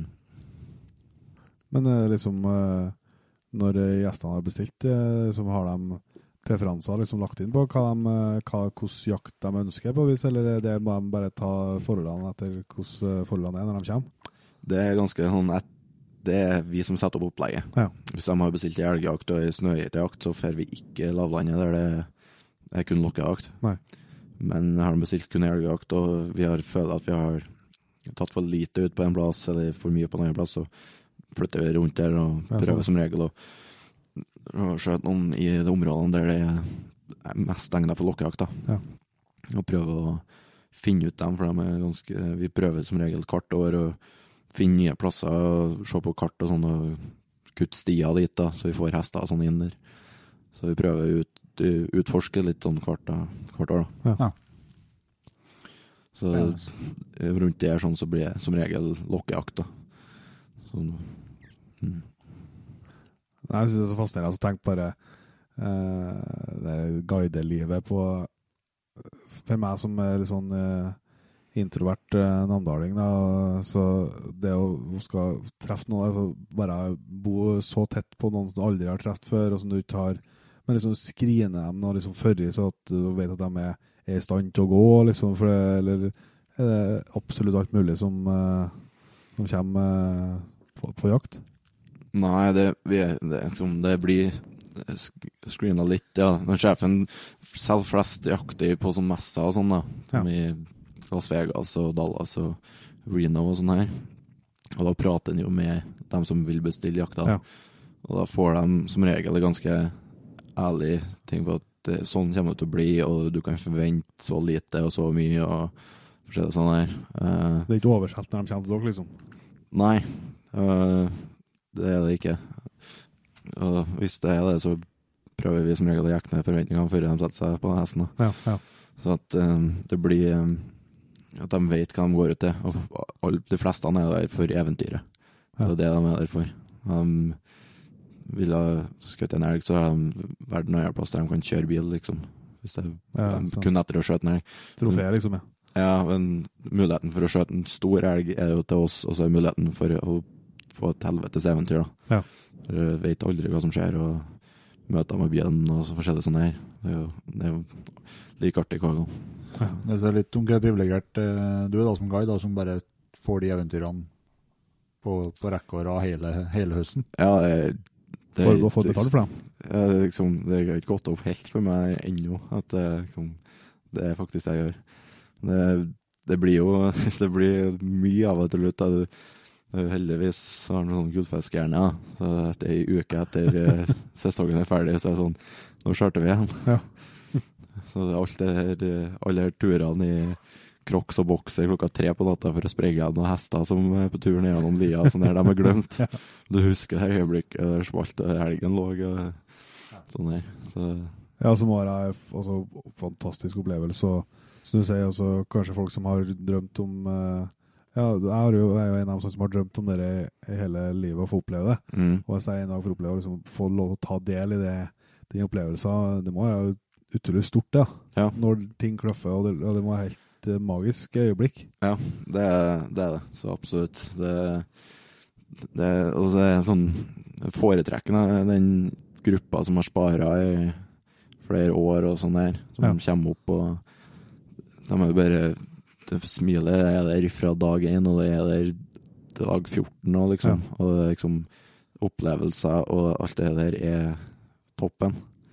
Så det, det gjør eh, jobben veldig mye artigere da, når det er noen som klarer å være positiv, for de har gleda seg så mye bare til å ri gjennom sånne daler og se sånne fjell og Ja. se dyra og sånn. Så det er veldig artig. Er det alltid Eller hvor, hvor er det, er det én jeger bestandig, eller er to eller er tre? Eller hvor, hvordan er, grupp, grupp, er det grupper og sånn? Vi kjører kun én og én, da. Ja. Sånn at eh, hvis, du, hvis vi har uh, f.eks. en far og en sønn, Mm. så kjører vi til to guider i den campen. Så får de bo i hovedcampen i lag, så, men så jakter vi litt for uh, Jakter vi fra hverandre om morgenen og sånn, da. Ja. Skjønner. Og så har vi med oss en wrangler i tillegg, da. Så Ja. det er fem gubber som Da bruker vi som regel å ta de store dalene og sånn. Altså for hver tur så er det som regel noen far og sønn eller to brødre eller noe sånt her som kommer. Da. Ja. Det, det er veldig artig å sitte rundt bålet og prate skit med gjengen der om kvelden. Altså. Ja, ja. ja, så er det jo litt Sørøst er jo litt føles litt tryggere som guide, når du vet at de har hverandre i tillegg, liksom, så er det ikke bare, bare, bare dere som skal underholde. Ja, det er også veldig bløst, det. Ja. Du får sitte der med kollegaene dine og prate skit og sånn. Ja. for Det er jo sånn I fjor så er det sånn Når sesongen starter, så går det hakk i hakk for, for oss. Så det er liksom Det er ikke noe det er ikke noe pauser eller noe sånt her. Så det er liksom det folket du hilser på i august, er mulighet til at du ikke ser dem før i 20. oktober, når eh, snøen er oppå knærne på hestene. Ja. Så liksom, det er veldig artig når du får sånne turer i lag, da. Og får delt litt erfaringer av hva folk tenker rundt eh, eh, hvilken situasjon du hadde i dag, og hva, hva du gjorde, og hva du kunne gjort bedre, og forskjellig sånn der. Mm. Ja, hva du tenker i morgen, skal jeg Ja, sånne ting. Det er veldig artig. Men en ting som jeg tenker på uh, Når du sa at er, det, er det eksisterer ikke telefondekning i hele tatt, eller er det forskjellig fra hvor dere er i terrenget og sånn, eller? Det eksisterer ikke telefondekning verken på eh, lodgen eller eh, to, to og en halv time fra lodgen mot nærmeste by. Nei. Så det er helt, det er bare det og en helt annen verden enn hva jeg vant hjemme. da. Ja, jeg skrur, på flymodus så fort jeg lander i Fort Nelson. Ja. Så skrur jeg på igjen i oktober. Ja. Mm. Men eh, det, da lurer jeg på en ting. Det eh, jeg lurer på mye, men det er ikke alt som går an å ta opp. Men, men eh, det som eh, det, Vet du hvordan vi sitter når vi sitter og planlegger da morgendagens jakt, så sitter vi og studerer yr ganske tydelig liksom for å se på eh, hvordan vi skal legge opp jakta. Ja. Den muligheten har du ikke, da. Må du prøve å først eh, være litt sånn lese i kaffekoppen, eller? Nei, heldigvis da, så er det er sånn eh, Det er satellitt-wifi på lodgen. Er det Ja. Så det er heldigvis eneste redninga. Ja. Men det er, jeg vet ikke, det er 500 megabyte per dag eller noe, han Ja. sjefen har. da. Ja, sånn. Så han får det til å lese det fram et uh, værkart for der vi er der. Ja. Men uh, å lese fram et værkart i eh, områdene er vanskeligere. Ja. Heldigvis har uh, InReachen til Garmin, da, som vi som regel har med oss, Ja. har en sånn funksjon der du hva det koster 50 cent eller noe for å få et værkart. da. Ja, sånn, ja. ja. Så det opp i regninga til sjefen, så vi bruker det flittig. da. Ja, for det, det er jo et sinnssykt viktig verktøy når du skal planlegge, planlegge jakta. Ja, det er jo det. I hvert fall når det er snakk om eh, i brunsten og sånn her, ja. Du får se månefasene og forskjellig sånn her. Ja. Så eh, er det utrolig viktig for oss. Og, eh, og når du tenker på snø og millimeter og sånn her, og tenker på om kanskje vi skal begynne å bevege oss herifra, Ja. og se om kommer en halvmeter de neste fire dagene, liksom. Ja, Så så- Det er greit å vite om, ja. ja, så det er greit å være ute derifra før jeg- må gå med en spadde i hesten din, liksom. Ja. Fire dager. Men det- månefasene, det må du For at nå er jeg fare for å dum, ut. Det er ikke første gangen, det, altså, det går bra. Men eh, jeg har jo sett hva, hva er månefasene Jeg har sett på Garmin at det er sånn beste tid og sånn. Eller, er det helt annet greier, det? Eh, vi gjør det bare fordi at eh, Spesielt på elgen, da. Ja. Det er jo det. Fordi at fullmåne, så er det jo lyst om natta. Mm. Og da gjør han ifra seg brunnsaktiviteten om natta. Okay. Og da det, I fjor Det er et sånt område vi har hytte rundt en ganske stor innsjø der, og da lå jeg hele natta og hørte på en okse som gikk framom hytta, tre meter framom hytta, gikk og gørta rundt sjøen. Ja. Så han forsvant, altså et par timer senere så kommer en samme veien, bare bakom hytta. Aha. Mellom uh, hytta der uh, salene sto ut den. Da gikk han på seg et uh, sånn taug som vi har hengt opp for å stoppe hestene. Det ble bare sånn pjoing i hytteveggen. eh, jeg lå der, og så begynte jeg å gørte, så klart. Jeg våkna da på, ut, og det var varmt. Før sola var opp, så var det varmt, og det var, liksom, det var ikke respons på to dager. Nei. Men jeg hørte dem hele natta. Ja. Det var ikke før siste dagen, når det begynte å skikkelig snø, og da dukka de opp rundt hele, hele innsjøen. Men eh, heldigvis da, så var de små, de som dukka opp. da. Ja. Så jeg satsa på at det var dem som var for gått forbi. da. Ja. At det ikke var en skikkelig en. Altså, det er så- sånn at du må ha litt eh, kontroll på det. Mm. Det er hovedsakelig derfor jeg, bruker de månefasene. Ja. Men eh, eh, har du ikke Jeg ser så på eh, å høre litt mer om det lokket, Altså hi- jakthistorie eller to på der uh, Nevnte litt eh, før her når vi satt og prata om uh, noen noe opplevelser du har hatt på lokkinga. Ja, du tenkte på den eh, kanelsnurren? Ja. Ja, det Bygga meg så bra her, da.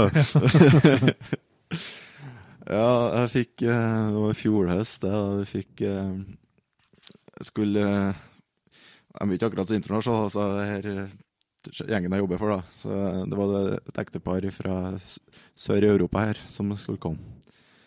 Uh, det var jo så å si norsk, det. Mente sjefen, da. Jeg snakka ikke språket. Uh, men det var nesten norsk, min. Så det var da så klart skulle jeg få dem. Ja. Så de dukka nå opp, og jeg hadde ikke møtt dem før han heller, for jeg hadde gått gjennom sånn eh, booking agent der turen de hadde bestilt, da. Og eh, de dukka opp, og jeg- jeg kom fram, prøvde å få frem at eh, om vi skulle eh, se gjennom utstyret, og de har ført pakningsplan og sånn der. Ja ja, det var alt var på stell, det var så greit at det, de hadde Uheldigvis, da, for så hadde de bare tida til å være der i fem dager. Eh, de skulle hjem og bli besteforeldre. Ja. Så de, i stedet for å utsette turen, så tok de den nå, men den tok de bare i fem dager. Ja. Så de, så da tenkte jeg greit, da har de har forstått, innforstått med dette. De er klar, gjengen. Ute og skjøt, og han skjøt noe bra. og Greit var det. Neste morgen så steg jeg Nolan opp, han regleren min, og hiva hestene inn i hengeren og gjorde oss klar og gikk til frokost og begynte å forklare planen min til de to. Og, og så eh, spør han om Og så kommer vi tilbake hit. Um, nei, vi skal, skal til hytta, så skal vi ta ca. fire timer å bo, og så skal vi være der fram til dere må hjem igjen. Mm. Ja, men vi må hit og spise middag, sier han. Nei, jeg lager middag der. Ja, Hvor vi skal sove? Så Nei, dere har med dere sovepose? Nei. OK. Så når jeg spurte om pakningsplan i går jeg hadde ikke helt forstått det, han bare sa ja, for han var så klar. OK. Regnklær, da? Nei, jeg hadde ikke med regnklær. Jeg hadde ikke med noen. De tenkte at ut og jakta om dagen, og så tilbake på den gården, og så sove om kvelden. Men det var stikk motsatt av det som var planen. Ja. Så den sjefen tok meg til side og sa at eh, akkurat nå skal du slippe å bekymre deg over det her. eh, du, du må ta det helt med ro. Vis dem en elg eller tre, og prøv så godt du klarer å få tak i en. De har fem dager. Jeg ga dem muligheten til å komme tilbake, men de ville komme og se forskjellig. altså sta som jeg, så skal jeg nå opprettholde prosenten min. Ja. Altså, jeg skulle faen meg få til elg, ja. Og så fikk nå mikra opp litt utstyr fra andre, andre guidene som var ute i bushen. så altså, vi tjuvlånte litt saker til dem. da. Kledde dem opp under håndklær og forskjellig. Det snødde nå, hiva oss på hestene og ridd innover. og Fire timer etterpå så var vi jo rett attmed hytta. Og der sto det jo faktisk en elg, da. Og det fikk de se elg for første gang. Så det var jo stor svært. Og så Sette den opp i hytta og ut og lokka og lokka første kvelden der, og nei, så ikke noe. Annet enn den der listeoksen vi har sett attmed hytta ennå. Så morgenen etter lokka fikk svar, men den kom ikke fram. Og så ble det jo helt klart og snø på bakkene, og så ble det fullmåne. Og det var jo håpløst, da. Det var jo den turen der at de for og gikk rundt høttveggen Ja, ja. Og tenkte jeg nei, nå må vi gjøre noe annet her. Jeg kan jo ikke ta med ut og ligge til telt nå. Et par minus ute inn, og det blir helt ræva opplevelser. Jaga dem opp litt tidligere, og så ridde vi til en annen sjø, ti med unna der hytta. Ja. Så jeg hadde pakka med, nå skulle jeg virkelig slå på stortromma. Jeg hadde med kanelsnurrer og kaffe og alt mulig rart. Og så skulle vi kose oss, så skulle ikke skulle ikke det her jaget her rundt her nå. Så skulle vi ri hit, og så skulle vi lokke, og så skulle vi følge med åssida på andre sida av det her sjøen her, da. Og vi kommer det er en kjempeplass, og det er litt kaldt inne, og lokke, lokke, lokke. Og liksom, liksom det per, mest perfekte oppsettet du kan få, med helt rett vind. og Den plassen var liksom sånn du ser på film, der kommer en stor okse ut av hver en busk. Men det kom ingenting. Så jeg sa, ja, ja. Og gikk ned mot der sjøen og satte oss rundt i sjøen, og klokka begynte å bli en ti-elleve, halv tolv den. og Nei, jeg måtte ha lunsj, da, tenkte jeg. Så vi fyrte opp et bål og satte på litt kaffe. og Begynte å grille det her kanelsnurrene på noen pinner forskjellige ennå. Så hører jeg noe på andre sida sjøen, en sånn åh, sånn svakt, da. Jeg tenkte nei, det, nå hører du bare ting, nå har du så lyst til å høre det her, nå hører du bare ting. Så hører jeg igjen. Nei, det var ekko. Og så igjen. Nei, nå er det noe her. Opp med kik storkikkerten ut av sekken, og så ser jeg på andre sida.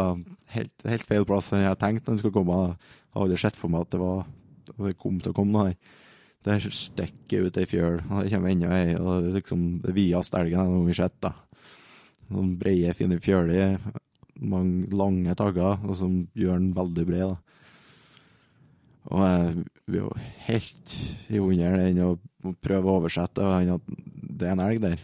Og, og han eh, karen som sitter i et kanalsnurr der, stadig børsa. Og han, han Wrangler som ligger og sover borti lyngen der, han må slukke der bålet her, og så må vi få i gang noe her. Og svarer oksen, og han begynner å komme opp gjennom sjøen. Det er sånn kjett granskog, den. og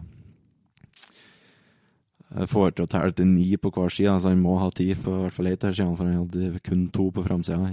Og eh, han kommer mellom, og jeg klarer jeg, skjønner at det må være noe mer der, men jeg klarer ikke å se om det er runda helt av, eller om det er noen flere tagger på toppen. Nei. Så jeg klarer ikke å få ut at han må skjøte, det klarer ikke jeg å si. Og så kommer han ned til eh, sjøen der og prøver og prøver å telle, og så har vi hestene liksom i inni bukk der, og vinden er helt feil. Og han står der og kikker på, og kikker på hesten vår, og så kommer et vindpust, og oksen turer av seg retninga vi kom ifra. Og jeg står der med en kikkert og en kanelsnurr i hånda og tenker hva faen er det du holder på med nå? Så nå har jeg lagt ned veto mot uh, kanelsnurrer og hvithansker. Til, til, høst, til høsten så skal alle ete bare en sjokolade på turen. Og den skal de gjøre med børsa i handa. Så skal jeg lære meg å telle til ti fortere. Ja, jeg skjønner press det da, når du står der og kikker og kikker og kikker, og du skjønner hvor lyst både gjesten har til å skjøte, og du har lyst til at det skal lykkes, så Ja, det krever litt disiplin, da. Ja, men det, det er jo det som er Jeg er så, såpass glad til det jeg holder på med, at uh, om det går feil, så kan jeg risikere å miste alt i hop. Ja, ja, sant. Ja. Og da er det jævla kjedelig det å gjøre det. I hvert fall når du er utenlands, guide borte her, og i tillegg så dukker jo det opp når du reiser inn igjen, så det blir ekstra vanskelig. Mm. Nei, det var, men eh, jeg bare jeg, jeg, synes du er bra på å lage bilder, så jeg ser for meg vannet og relgen som kommer, eh, går seg på hestene deres. jeg. Jeg har noen bilder fra når vi lå der og drakk kaffe, sikkert, så vi får se det. Men du er jo um, det- Er det mange år du har holdt på med, det, med livet der nå? Det blir fjerde nå, da, i Ja. år. Ja. Du har jo ofra ganske mye til, til ungdomstida, eller hva skal du kalle det for noe, for å for å leve ut de drømmene her, da? Du er ikke så mye hjemme på Overhalla? Ja, jo, jeg har vært hjemme ganske lenge nå, synes jeg. Desember. nå. Ganske lenge nå. Det, det, det blir fer fort tid, da. Det gjør det. Eh, Det blir Du går glipp av en hel del og forskjellig, men eh, det er så Det er det sånn kvarøst når, det, når du har det her eh, dårlige stundene eh, ferskt i minnet, og liksom Hvis det går skit siste jakta i tillegg, og du er dritlei og trøtt og klar etter tre måneder med det jaget, så du er sånn Nei, nå er jeg slutt. Nå skal jeg begynne å studere eller slå meg til ro og plass, ta det helt med ro, så går det ei uke, som sagt. Og du spør sjefen om ja, når starter vi neste år. Ja, ja. Fiks visum. det kommer. ja. Så det er jo så skatten at det ja altså, det er jo det er det en må gjøre hvis en skal klare å leve ut de drømmene en har. Ja, og i hvert fall jeg er fortsatt ung ennå, så tenker jeg må kjøre på en liten stund til, i hvert fall. Ja, ja. Klart. Har du, har du tenkt liksom på, på å flytte eh, over og, og bo der en periode, eller? Ja, det er jo i tankegangen. Mm. Så vi får se om eh, det blir, må jo bli et samarbeid med meg og arbeidsgiver om eventuelt det skal skje. Ja. Så det får vi se, da. Jeg har veldig lyst, da. Ja, det høres jo fristende ut å ha tilgang på taggene sjøl, da. Det gjør det. Det gjør det. det, gjør det. Jeg har eh, heldigvis da, det, det, Jeg har en sånn ordning da, at hvis det hvis du tror, tror tjeneste til han at etter fem år da, så får du velge mellom eh, snøgeit eller et elgløyve Ja. sjøl. Så om du får tida i løpet av en høst i, i en sånn bøtting av jegere, eller eh, du er ferdig med dine jegere, det er greit for dem du guider den turen at uh, du får å skjøte noe for deg sjøl. Ja. Så det er en mulighet for det, da. Hva skal du velge, da? Det er bekke mot snøyhet, ja. Er det? Ja, det gjør det. Elg, elg, tenker jeg nå. Ja, Så det ja, ja, ja. skutt i elg. Så det er skjøtt i snøyhet hvis eh, ja, Det er ikke så veldig mange som har gjort så Nei, nei, nei. nei jeg ser det. De er så jævla kule dyr at uh, en hel montasje det, det, det, Det har du ikke mørkt på. det har ikke sett møtt på. Verken regninga eller turen. Han passer, passer, passer fint inn i Trønderlånet på Overhalla. Ja, det har gjort det. Veldig fint. Men uh, vi må innom det en liten tur. eh, og det kan jo kan være moro å se for seg at det sitter noen og hører på som, som uh, enten nå fikk en ny drøm, eller som har hatt den samme drømmen sjøl. kan du Har du noen tips liksom, til, til dem som, uh, som sitter med det, eller som Eller et spark i ræva til dem som har tenkt på det? Ja, du må gjøre gjør det, egentlig. Du må prøve. Eh, Jeg hadde jo Jeg kjente ingen som Jeg hadde ingen å gå etter når jeg gjorde det. så Jeg bare Jeg konstruerte bare en sånn liten CV om hvem jeg var, hva jeg har gjort, og hva jeg jakta, og hvorfor jeg ville gjøre det, hva motivasjonen og sånn var. Ja.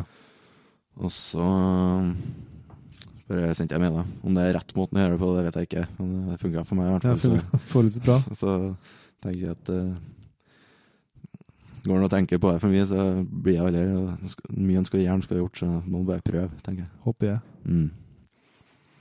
Enten så går det til helvete, eller så går det veldig bra. Ja. Så, men du må ikke gi seg når du først er kommet over. Nei. Så, Jeg skjønner at du må ha litt stayerevne ja, når du, når du forteller med hester og forskjellig. ja, det er liksom Det, det kommer øyeblikk der det var mange turer jeg har tenkt bare på Drit i det her, hopp på en buss igjen og feire tilbake hit og Ja. Lever på sofaen i kommer, men eh, det Når oktober kommer og alt er ferdig, så er det verdt det. Ja. det, er det. Så er det jaktform eh, Det kan jeg sitte her til i morgen, men eh, det er jaktform vi, Du snakka om at det var ulv òg. Hvordan er jakta? Er det noen som har som selger dere selv jakt på det òg? Alle som kommer til oss og kjøper ulv, nei, jakt, får ulvtag. Ok. Så Det er mer at dere kommer, kommer over dem på, på tur, skal jeg si. ja, jeg går med én, og Wrangleren går med én, og jegerne kommer og får én utlevert, men med mulighet til å skjøte så mange de vil. Ja. Så det er jo er, det ofte, er det ofte skjer det, da? Det, det er ikke det. Det er ofte du finner spor, og du hører dem veldig ofte. Og, sånn at i hvert fall Wranglerne får, eh, får se veldig mer markant enn koordinert de faktisk er, da, Ja. i forhold til oss, for de er jo ute og sprenger etter hestene og sånn, og Ja. for, de får kjent på det. og Bjørnspor og sånn i sine egne får fra natta før i, og ulvspor som krysser der og sånn, så det, de får sett det mye mer, og vi ser det jo når vi er ute og jakter, sånn at du, du stått på en åsrygg og kikka opp en dal og to daler liksom på en sånn spiss, og du har gått opp én sti, og så mener du har hatt full oversikt over hele dalen her, og uansett hva som har rørt seg, så har du skulle ha sett det. Ja. Og du kommer ned på stien igjen, og der kryssa du to ulver, liksom. Ja. Og du aner som om de var i området engang. Så det handler om å være, ha flaks, rett og slett. Ja. Så det er ikke, det er ikke så ofte du ser dem. Nei. Ser- spor ofte, så hører dem ofte. Men er det, liksom, er det på vinteren at det liksom mer effektiv jakt på enn uh, der? Ja, vinteren er veldig effektiv. Uh, Sjefen sa uh, enten 37 eller 27. Vi sier 27, da, så er det ikke lyver. Ja. Den har fått i vinter, da. Ja. Mm. Så, Så de har gjort det bra i kast i vinter, han og en til der. Ja. men er det, det er jo med gjester og sånt der jakter de driver med Ja, de selger turer der òg. Det blir et sånn trapline-turer. Ok. De, eh, folk bestiller en trapline-tur der, og så to uker før eh, Før de eventuelt eh, jegerne kommer, da, så drar får de å sette trapline. Okay. Og så legger de ut åte og sånn i tillegg, da. Ja. Om det er noen sånn eh, forespørsel om å skjøte på åte eller noe sånt. der. Ja. Så blir det sjekk det trapline, og der som regel så får Eller det er hver gang så får jegerne skjøte null, da. Ja. Mm.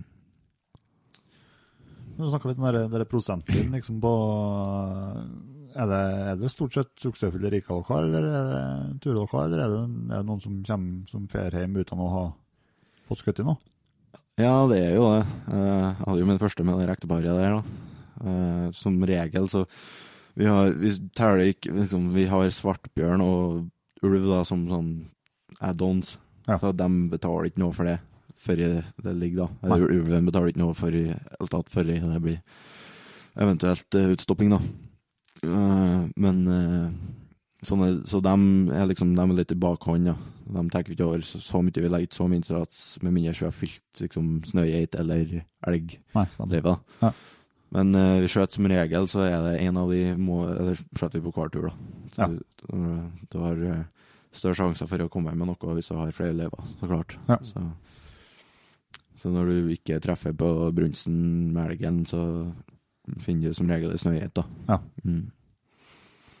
Tøft.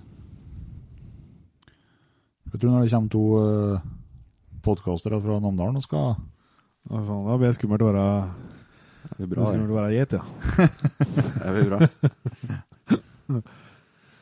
Nei, men eh, Fantastisk artig å høre på deg, August. Du er både veldig flink til å fortelle og, og har fått noen opplevelser som, er, som uh, jeg og ganske mange med meg tror jeg misunner. Eller går liksom ikke an å gjøre det, for du har jo skapt det sjøl. Og det er jo en mulighet som, som alle har, på et vis, hvis man tør å ta sjansen. Ja, takk. Eh, Det er det. Eh, Så klart. Det er en mulighet alle har. Eh, Så bare hopp i det, som jeg sa. Mm. Mm. Men hvor eh, Hvor eh, har du liksom tenkt noe på det? Hvor lenge du skal holde på? Holde på? Nei, nå er jeg på med fjerde, så må man i hvert fall få det femte, så jeg kan Ja. jakte snøgjeter. uh, Så vi tar det i første omgang, kanskje. Ja. Og så vi går jo og grubler litt på å prøve Asia og forskjellig sånt. da. Ja. Uh, guide der. Uh, prøve det en tur eller to. Bare for å oppleve det òg. Sant? Vi får se land som slutter på stan, som uh... Ja, det blir stan og sauer der. Ja, og, ja. Så vi får se på det. Uh, Snakka med et par stykker om det. Så. En liten ting jeg går og grubler på om dagene. da. Ja, ja, ja. Uh, vi skal begynne å runde av her. Eh, Klokka begynner å gå ifra oss. Eh, Det er snart en ny arbeidsdag. Men eh, eh, den, eh, vi traff deg jo igjen på, på Camp Villmark. Der sto du i lag med, med Ravnø-gjengen. Du er en del av det, det miljøet der. Ja, det er jeg. Eh, to år siden. To, ja, to år siden så fikk jeg en melding av uh, Marek, som uh, lurer på om jeg ville prøve noe klær av dem. Han uh, forklarte eh, at det var nytt klesselskap som laga skikkelig dugelige klær, og de kommer fra Namdalen. Så og tilbyr meg å teste klær, så klart takka jeg ja. Ja, ja. Jeg fikk de klærne og var overraska og kjempegira med en gang. Jeg tok dem. Og jeg, og jeg har bodd i den bodd i jakken og buksa i to år nå. Jeg har vært ute, så det er veldig artig å få være med og prøve å teste sånne ting. da. Ja, for du får jo, får jo kjørt seg litt da, når du er ute i felten eh, hver dag fra august til oktober. Ja, det gjør det definitivt. Du, jeg får prøvd seg på ganske mye i andre felt enn som her i Norge, og de får banka skiten ut av seg rett og slett med sånn willows og forskjellige. Ja. De gjør det. Men det funker. Det funker. Det gjør det. Det Ja, det gjør det. Veldig bra. Vi har jo noen sånn eh, Jeg vet jo at eh, du har hørt på Jegerpoden før, du, så vi har, du vet jo at vi har noen sånne faste, fast, faste spalter eh, mot slutten. Ja. Det er jo Hvis eh, du skulle ha vært eh, Nå har jeg prøvd eh, både i forskjellige jaktformer og ikke minst i forskjellige arter. Hvis du skal velge bare én fra noe av og, og utover hva du skal, hva du skal bruke tida di på? Den her har jeg gått og grubla på så lenge. det må bli Stoneship. Det må bli det. Ja. Det har bare falt mitt hjerte nært så gærent at det Det er det mest krevende du vet om? Ja, det er mest krevende og mest uh, givende jakt jeg vet om. Ja. Det, er spesielt hvis det er bare, hvis det er bare borti siden de, de finnes òg. ja. Jeg har jo fått valgt flere arter, så jeg har sagt nordamerikansk villsau bare for å få sett noen andre regioner og sånn men eh, det blir, more Stoneship, da, som jeg prøvde. Mm. Ja, men Det er fascinerende, bare, for jeg har jo liksom ikke noe forhold til den her alle Til sau? eh, Nei. Altså, nei, at jeg er eh, litt bekymra for, uh, for hvis jevntuene kommer for nært. liksom. det er sånn. Ja, ja. uh, men, men skjønner, det virker som at det, det er sånn, noe som folk virkelig blir hekta på. For det, det er mange jegere at jeg kanskje har prata med som har begynt å prøve det, og at det blir en sånn besettelse. liksom alle, Det er jo så mange forskjellige rundt om i verden. Mm. Ja, det, det er en stor besettelse. Liksom, folk er, går stokk og stein for det. Altså, I Nord-Amerika så er jo Grand Slam eh, Det er fire arter i Nord-Amerika. Jaha. Så har vi Stoneship, Dollship, og så Rocky Mountain Bighorn, og så Desert eh, Bighorn. da. Ja. Og så er det noen sånne underarter, men som går som dem på en Grand Slam. da. Ja. Og folk eh, stokk steinen for å jakte her. da. Jeg så dem og syntes de var jævlig kule da, før jeg skulle over. og Jeg var veldig gira på å bare se. da. Og liksom tenkte ikke veldig mye over det heller. Uh, før jeg har vært på to jakter og tenkt og Da var jeg overbevist at dette her, er- her er livet. Ja. Så ja. Og så er det, er det at du skal dele ditt eh, Eller komme med ditt, ditt beste jakttips. Ja, det var det. Eh, bruk eh, hver eh, situasjon med eller møte med vilt som du enten er jakt i eller ikke, til å lære deg mer om dem.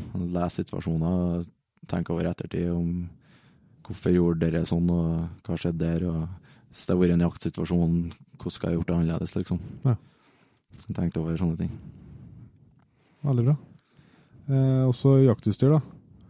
Eh, vi har jo vært, har jo aldri, vi har aldri vært inne på Ravne, så det er noe, er noe annet enn det. Så det skjønner jeg at du vil anbefale, men er noe annet enn det som eh, du har blitt glad til? Ja, jeg gikk med på en smell der i fjor, og så ble det noen håndkikkert med avstandsmåler. Da. Ja. Så den eh, Den ligger ikke akkurat på puta men den er ikke så langt unna. Så det, Så merke snakker vi da. det ble en Swarovski. Ja. Det. Mm. Og der skjønner jeg at jeg, du både, både at du er fornøyd og at, at du opp merka på pengeboka. Sjøl til en eh, det er full guidepengebok, merkes det, eller? Ja, det ble heslig mindre full guidepengebok det ble. Det er litt det samme historien som Tikkan du nevnte Ja. på. Men det, det var, det var verdt hver kron. Så bra. Det var artig. Det, jeg kommer, tror ikke jeg kommer til å gå tilbake til avstandsmåler og vanlig håndkikkert igjen. nei. Det blir for mye krull med. Det skjønner jeg, og var jævla fin eh, på, på den jakta, og når du i tillegg skal vurdere på vegne av noe annet, nå, så er Mm. å ha, det, ha en fasit, det er jo ikke så dumt, det. Nei, det er veldig snedig å bare få sånn med en gang. Altså. Jeg vet at du er på med en gang og forteller til jegeren at ting går så mye fortere.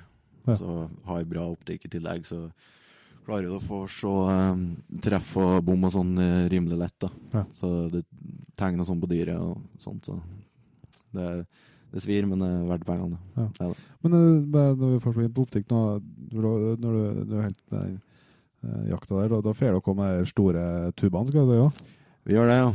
Den òg sveier ganske godt. Ja. Så, men det er jo nødvendig utstyr, i hvert fall når du skal aldersbestemme en stoneship, f.eks. Ja.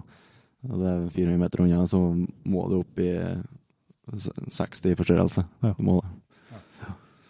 Mm. Det må være opplevelse å stå liksom, og studere de store dalene med, sånn, med et sånt verktøy. Det skjer jo Ja, det, det er det. Og det, sparer jeg for ganske mange kilometer på Ja, ja. og høydemeter, så det er gull verdt. Det er absolutt. Men jeg ser for meg ganske mye trening eh, til øynene, liksom, og, altså, å være effektiv med å, altså, med å stå og se i kikkert. Det, det, når jeg har vært med folk som er veldig sånn kikkertfolk, så blir jeg imponert over altså, hva de kan se, som jeg ikke nødvendigvis ser med en gang. Du må ha litt sånn erfaring med det òg. Ja, det er det. Det første året mitt så ikke en kløyve. det var en, han, eh, jeg var ved første tur da, på Stålskipjakt. Han, eh, ja, der er en, der er en, og der er en. Hvor i faen er det skjer? Jeg ser bare stein borti her. Det, det er jo ikke noe der. Og så hiver han fram eh, de store lekene sine, og så der. Altså, jo, dæven, det ligger jo sju stykker der. sånn, OK. Men nå er jo alle veien rundt, så nå konkurrerer vi om hvem som får se først og Ja. legge stunder og sånn der. Så det er, vel- det er veldig med trening, og Ja. det er veldig artig når du begynner å få det til. Ja. Ja. Blir blir effektiv da. Mm. Og så runder vi av med jakthistorie, August. Eh, Der har vi jo selvsagt eh, store forventninger. Ikke for å legge noe press, noe sånt, men Nei, ja, vi kan, ja, du kan, du kan få ta flere, og jeg kan sitte her til ja, vi kan sitte her til morgen. Ja. Ja. Kjøre på rett på arbeid fra her. Kan ta Ja, det var eh, delt eh, Det var andreåret mitt. Eh, Så vi hadde Jeg kom dit, og så fikk eh, hadde, fikk jeg lisensen første året, mot slutten av første året. Og så så gikk nå og håpa og tenka på neste år, liksom andre året, jeg skal få guide og starte på toppen igjen, men det liksom Det ble ydmyka ganske fort der, da. At det, du skal få lov til å guide, ja, men du får ingen wrangler, så du må gjøre det alene, da. Så det ble dobbelt opp, da. Så det var jo en spennende start på tu- året, det. Så jeg fikk, eh, fikk en ny kompisgjeng på tre, da. Og så var det en som hadde Han hadde vært og guida før. Han skulle bare være med og ta bilder og sånn for to andre karer. Og så var jeg meg og en guide til. Men jeg var yngst, så jeg måtte eh, starte på med wranglinga og eh, så hente hestene og sånn om morgenen og natta. Og, og guide en av de andre. Så de hadde med seg pil og bue og kulebørser begge to. Og vi kom opp i en dal der og satte opp camp og greier og ridde opp og skulle bruke første kvelden til å liksom prøve å lokalisere noe før neste dag. For jeg hadde ikke så mye tid igjen før det ble mørkt. da. Og der får vi se en oppe i dalen elg, da, som var meget fin. Så dit skulle vi da, eh, neste dag. Snakka litt med den andre, og vi skulle dele opp, så han, han skar litt av. og Det er to store daler, så han skulle opp den ene, og så skulle jeg opp den andre inn. Og vi rei opp der og fant spor, ja, men det var bare utspor, så her dalen. Det var ingen innspor. Så han har gått ut i løpet av natta. Vi var oppe der og jakta hele dagen, og kommer tilbake, og der eh, mangler jo en haug med hester. Så det er sånn, ja ja, de skal ikke elg, da. Så, så enkelt var det. Ja. Så vi satt der, eh, fyra opp bålet og venta og venta rundt nitida, og så, så kommer en i ria ned, og ja, han har skutt ei elg, og pak, pakningen på eh, hestene har snurra og helvete. Og, så jeg holdt på noen timer. da. Han ut nå ni-tida morges, men den kom ikke fram før halv ni om kvelden. da. Det var ikke lenger enn 45 minutter å ri uten å pakke hester ifra campen. da. Og så så vi da, det var bra hånd på denne oksen. Ja. Han kom nærmere og nærmere, og nærmere, og det ble bare større og større. og større. Og jeg, han hadde ikke innsett hva han hadde skutt for noe, og jeg sto der og kikka på det og bare Nei, flaksjævel, det går ikke an. Så vi satt der hele natta og målte opp der oksen var 203 bønder klokket, da. Det Oksen så er veldig stort, da. Um, og eh, så Neste dag så reiv vi ned samme dalen vi da. Vi skal ut der for å finne til broren til han der, da. Ja. Måtte så han skal ha flaks, så må jeg få ha litt flaks, da. Rir nedom der og kommer forbi der han har skutt i, og det var skjevet til en elg, da. Så knytter opp hestene og begynner å se. Og det er ikke bare én elg, men det er åtte elger som står der ennå. Og da tenker jeg ja, det må da være en bra en der, da. Så han, det kommer en fram bakom et el der, og han er, han er ikke fullt like stor som han som kom inn dagen før, men han er bredere og lengre og større tager på han. da, Så, jeg- så han var en meget imponerende okse. Så jeg var ganske rett fram, tenkte jeg. Følge bekken opp. Det var en stor kampestein som lå på, langs der bekken, og legge seg på den. 300 meter. Bom. Greit. Så den eh, kompisen til han jegeren min, han var med han òg. Han er sånn lidenskapelig buejeger, så han Nei, nei, nei. nei, nei. Prøv buen, ja. Prøv buen, ja. Eh, ja, det er åtte elger som står der, og vi skal innom 40 meter. Det går ikke. Uansett. Eh, Uansett hvor bra vind vi har her nå, det, går ikke. Det er såpass åpent akkurat langs Bekkdalen her at det går ikke. Jo, vi må prøve, da. Ja, jeg skal prøve, men begynner det færre, så skal du ta den med kula. Ja, ja, ja, det var greit, ja. Så vi begynner å gå nærmere og nærmere. Vi kommer på 120, og da begynner sprette elg rundt alle kanter, opp fjellsida. Oksen begynner å gå stille og rolig fra oss. Så jeg hiver ut den børsa, og så ja, ja, du kan ta den nå hvis du vil det. Han, eh, kompisen står på andre sida. Nei, nei, nei, det var 14 dager. Bruk buen, bruk buen.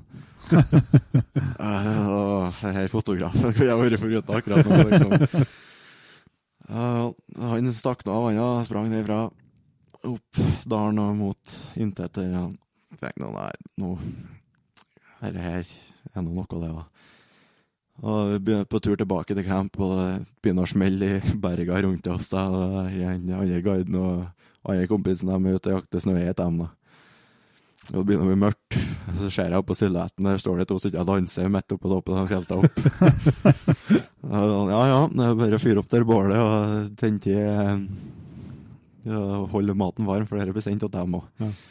Rundt tolv ett om kvelden så kommer han tilbake. Ja, da var han ikke like happy. da, Han var skuffa. Han, han sette en helvete stor eh, en helvete stor geit oppå henne, så han for etter ro. Så han kom jo på toppen der, så reiste seg eh, en bilde der, da. Så han pisa til en uten å tenke noe mer om det. Så idet han traff bakken, så reiste den store geita seg opp fem meter på sida av ham. Oh, og kikka på henne, og så stakk han. av. Så han, han var litt, litt yngre enn jeg hadde planlagt å skjøte den turen, her, men eh, det veia litt opp med den oksen jeg fikk skutt. Det var ikke noe galt med, med den geita. Så han var happy, han jegeren. og Han skulle ikke klatre noe fjell, mer fjell den turen her, så han var overlykkelig. Ja. Han skulle sove på dagen etterpå. Sånn. Da hadde vi nå en elg og geit i camp her, da. Og vi måtte nå ut med kjøttet, så ikke det ble dårlig. Og eh, han eh, andre guiden han måtte videre.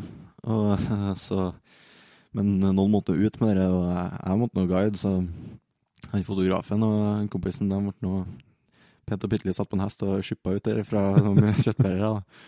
Så jeg fikk sånn en mulighet der igjen. Så uh, fant jeg Mountain Goat uh, fra camp på eh, i neste dal over, da. Så vi satte oss på hestene og rei bort til denne dalen, og så klatra opp der fjellet og kom på en hold der og det var et seter i lag, da. Og det er som regel så jeg vil det si at det er hodedyr, da, med unger og sånn. Eh, men fra bunnen har jeg sett at det var et dyr som var asjelig mye større, og um, tegna til å ha mye masse i hornet. Så vi klatra opp etter det, for jeg var 80 sikker på at det var da. Ja. Uh, kom inn på 320 meter, og så der lå de pent og pyntelig på rekke, der dyra. Kikka, tok opp uh, storkikkerten og kikka. Det var tynn i hornet, tynn hornet, ingen masse, masse. altså Sist bak en stein der så stakk opp noen tjukke kvester. Ja, det, det, er- han, det er ikke noe tvil. Så han reiste seg og skuddet gikk, og det ble noe gledesrop og greier, og vi eh, fikk ned og endelig liksom begynte å løsne litt på turen.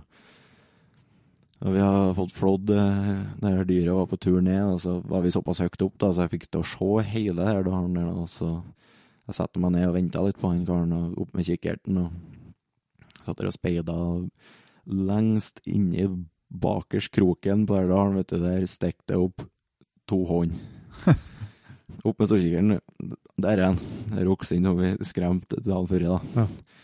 Kløver seg oppi en sånn bratt fjellside der, og der sto han og bare trykka og kikka og rodde seg inn, og liksom lura på når, når kommer det her gjengen. så tenkte jeg ja, i morgen, i morgen så kommer vi.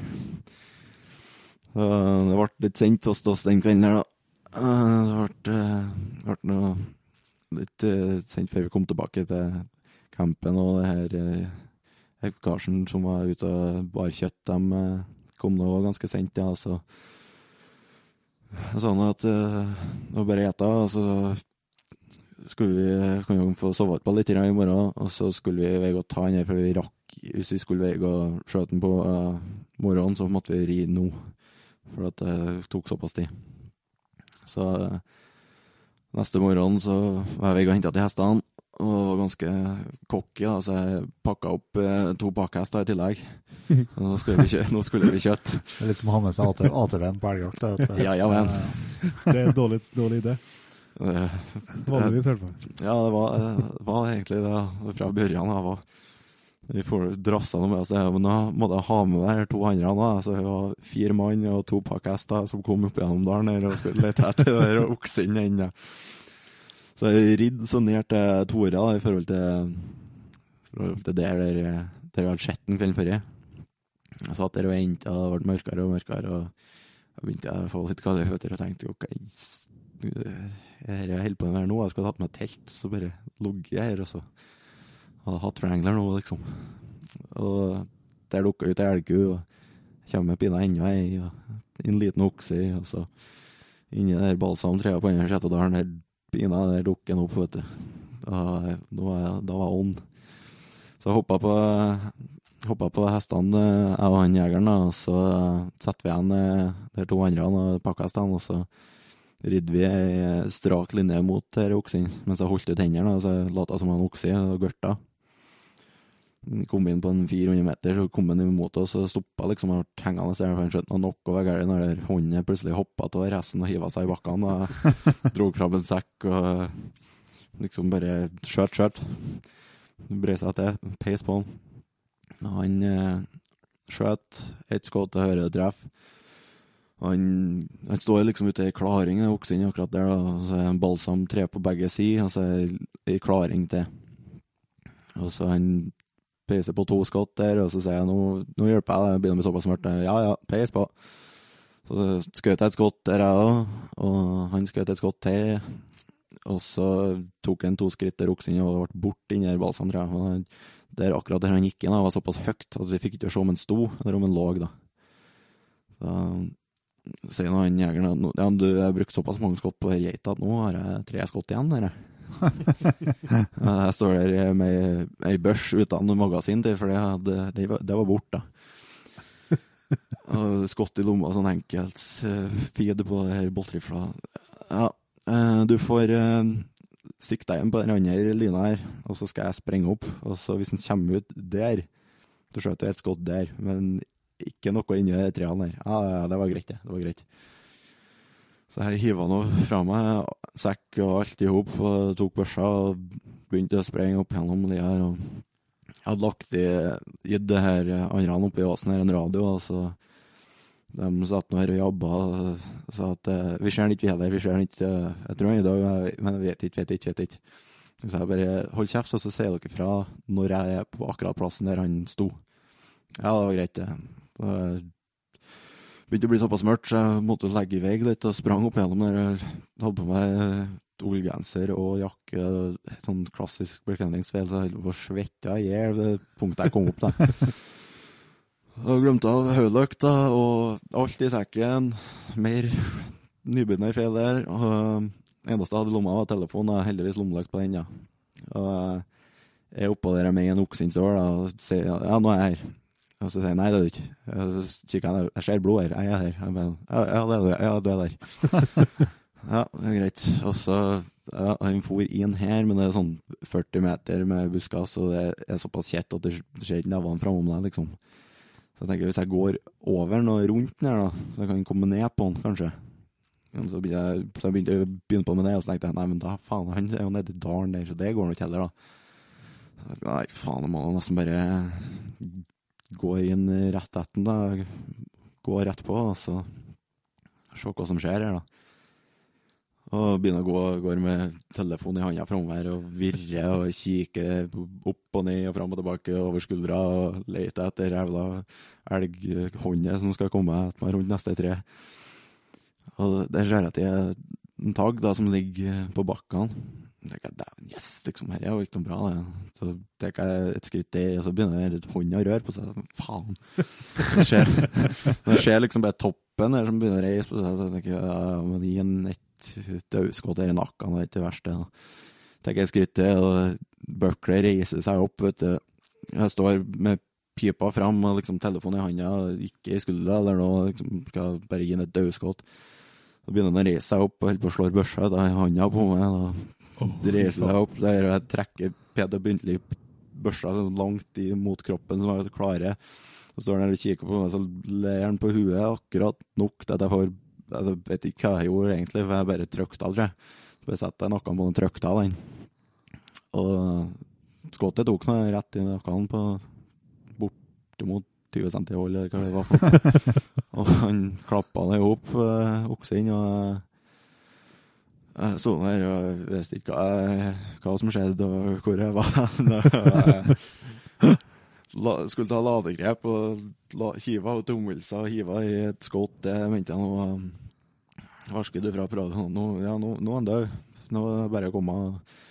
Jeg filma minutt etterpå mens jeg venta på at de skulle komme opp med hestene. Her sto han der stemmen og uh, de skjelvinga som er til kamera. Det ser bare sånn svart omrist av fjellene rundt, men det, det blir flirer litt hver gang jeg ser den, for det, det blir litt tatt tilbake. For det, det var liksom så surrealistisk hva som nettopp skjedde. Ja, ja. Uh, så de kommer nå opp. Uh, oksen ligger nå her, og ja, ja, det er bare å begynne å arbeide, da, liksom. Det var bra vi tok med her hestene, så vi slapp tilbake hit i morgen, liksom. Jeg skal ta, ta ut, uh, ta ut det skottet jeg stappa til rifla den, og drar tilbake sluttstikket. Det kommer et trippel A-batteri ut. Jeg lå i lomma da med skotta. Så det var bra det skottet tok. For å si det sånn. Det er jo sett strøm på den. Ja. Så vi parterte nå, hiva her i Hiva i pakkboksa. Vi forlot eh, skottplassen i totida og var tilbake i leir rundt halv åtte-åttetida neste morgen. da. Ja. Så det ble, eh, selv om de sov inn den dagen der, så ble det en lang natt for det gutta boys som var med på tur der. Den fotografen han var ikke helt med seg sjøl når vi kom fram. Han satt og sov mesteparten av turen, tror jeg. Ja. Så det, Det ble en bra, det ble en bra tur til slutt. Ja, det ble det. Ja.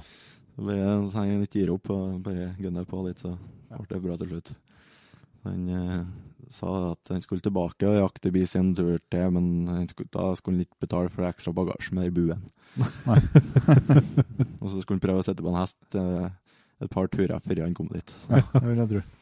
Hva er et godt tips til hvis noen har tenkt seg vei? Ja. Ja, det er absolutt.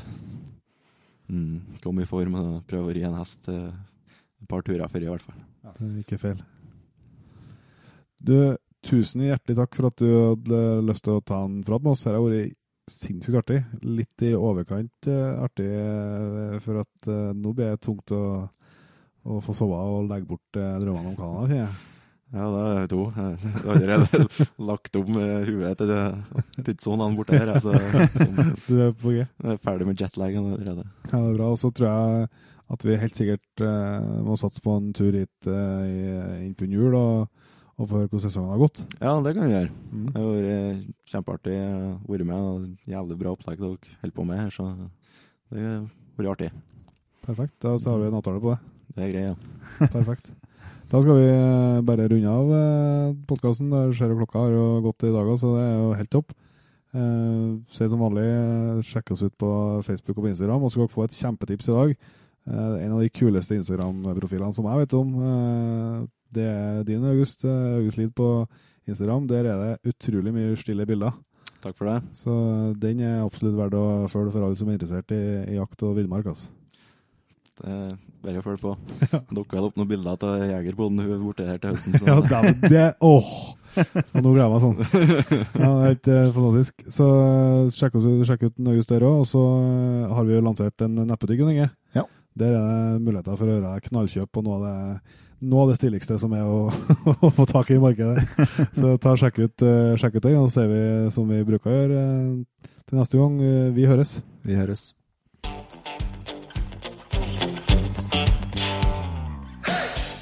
Tusen hjertelig takk for at du valgte å bruke litt av tida di på Jegerpodden. Sjekk ut jegerpodden.no eller din favoritt favorittpodkastspiller for enda mer innhold og flere episoder. Følg også Jegerpodden på Facebook og Instagram, og ikke minst, husk å fortelle alle gode venner, familie og tilfeldige forbipasserende om Jegerpodden, sånn at vi får spredd det glade budskap videre. Vi høres.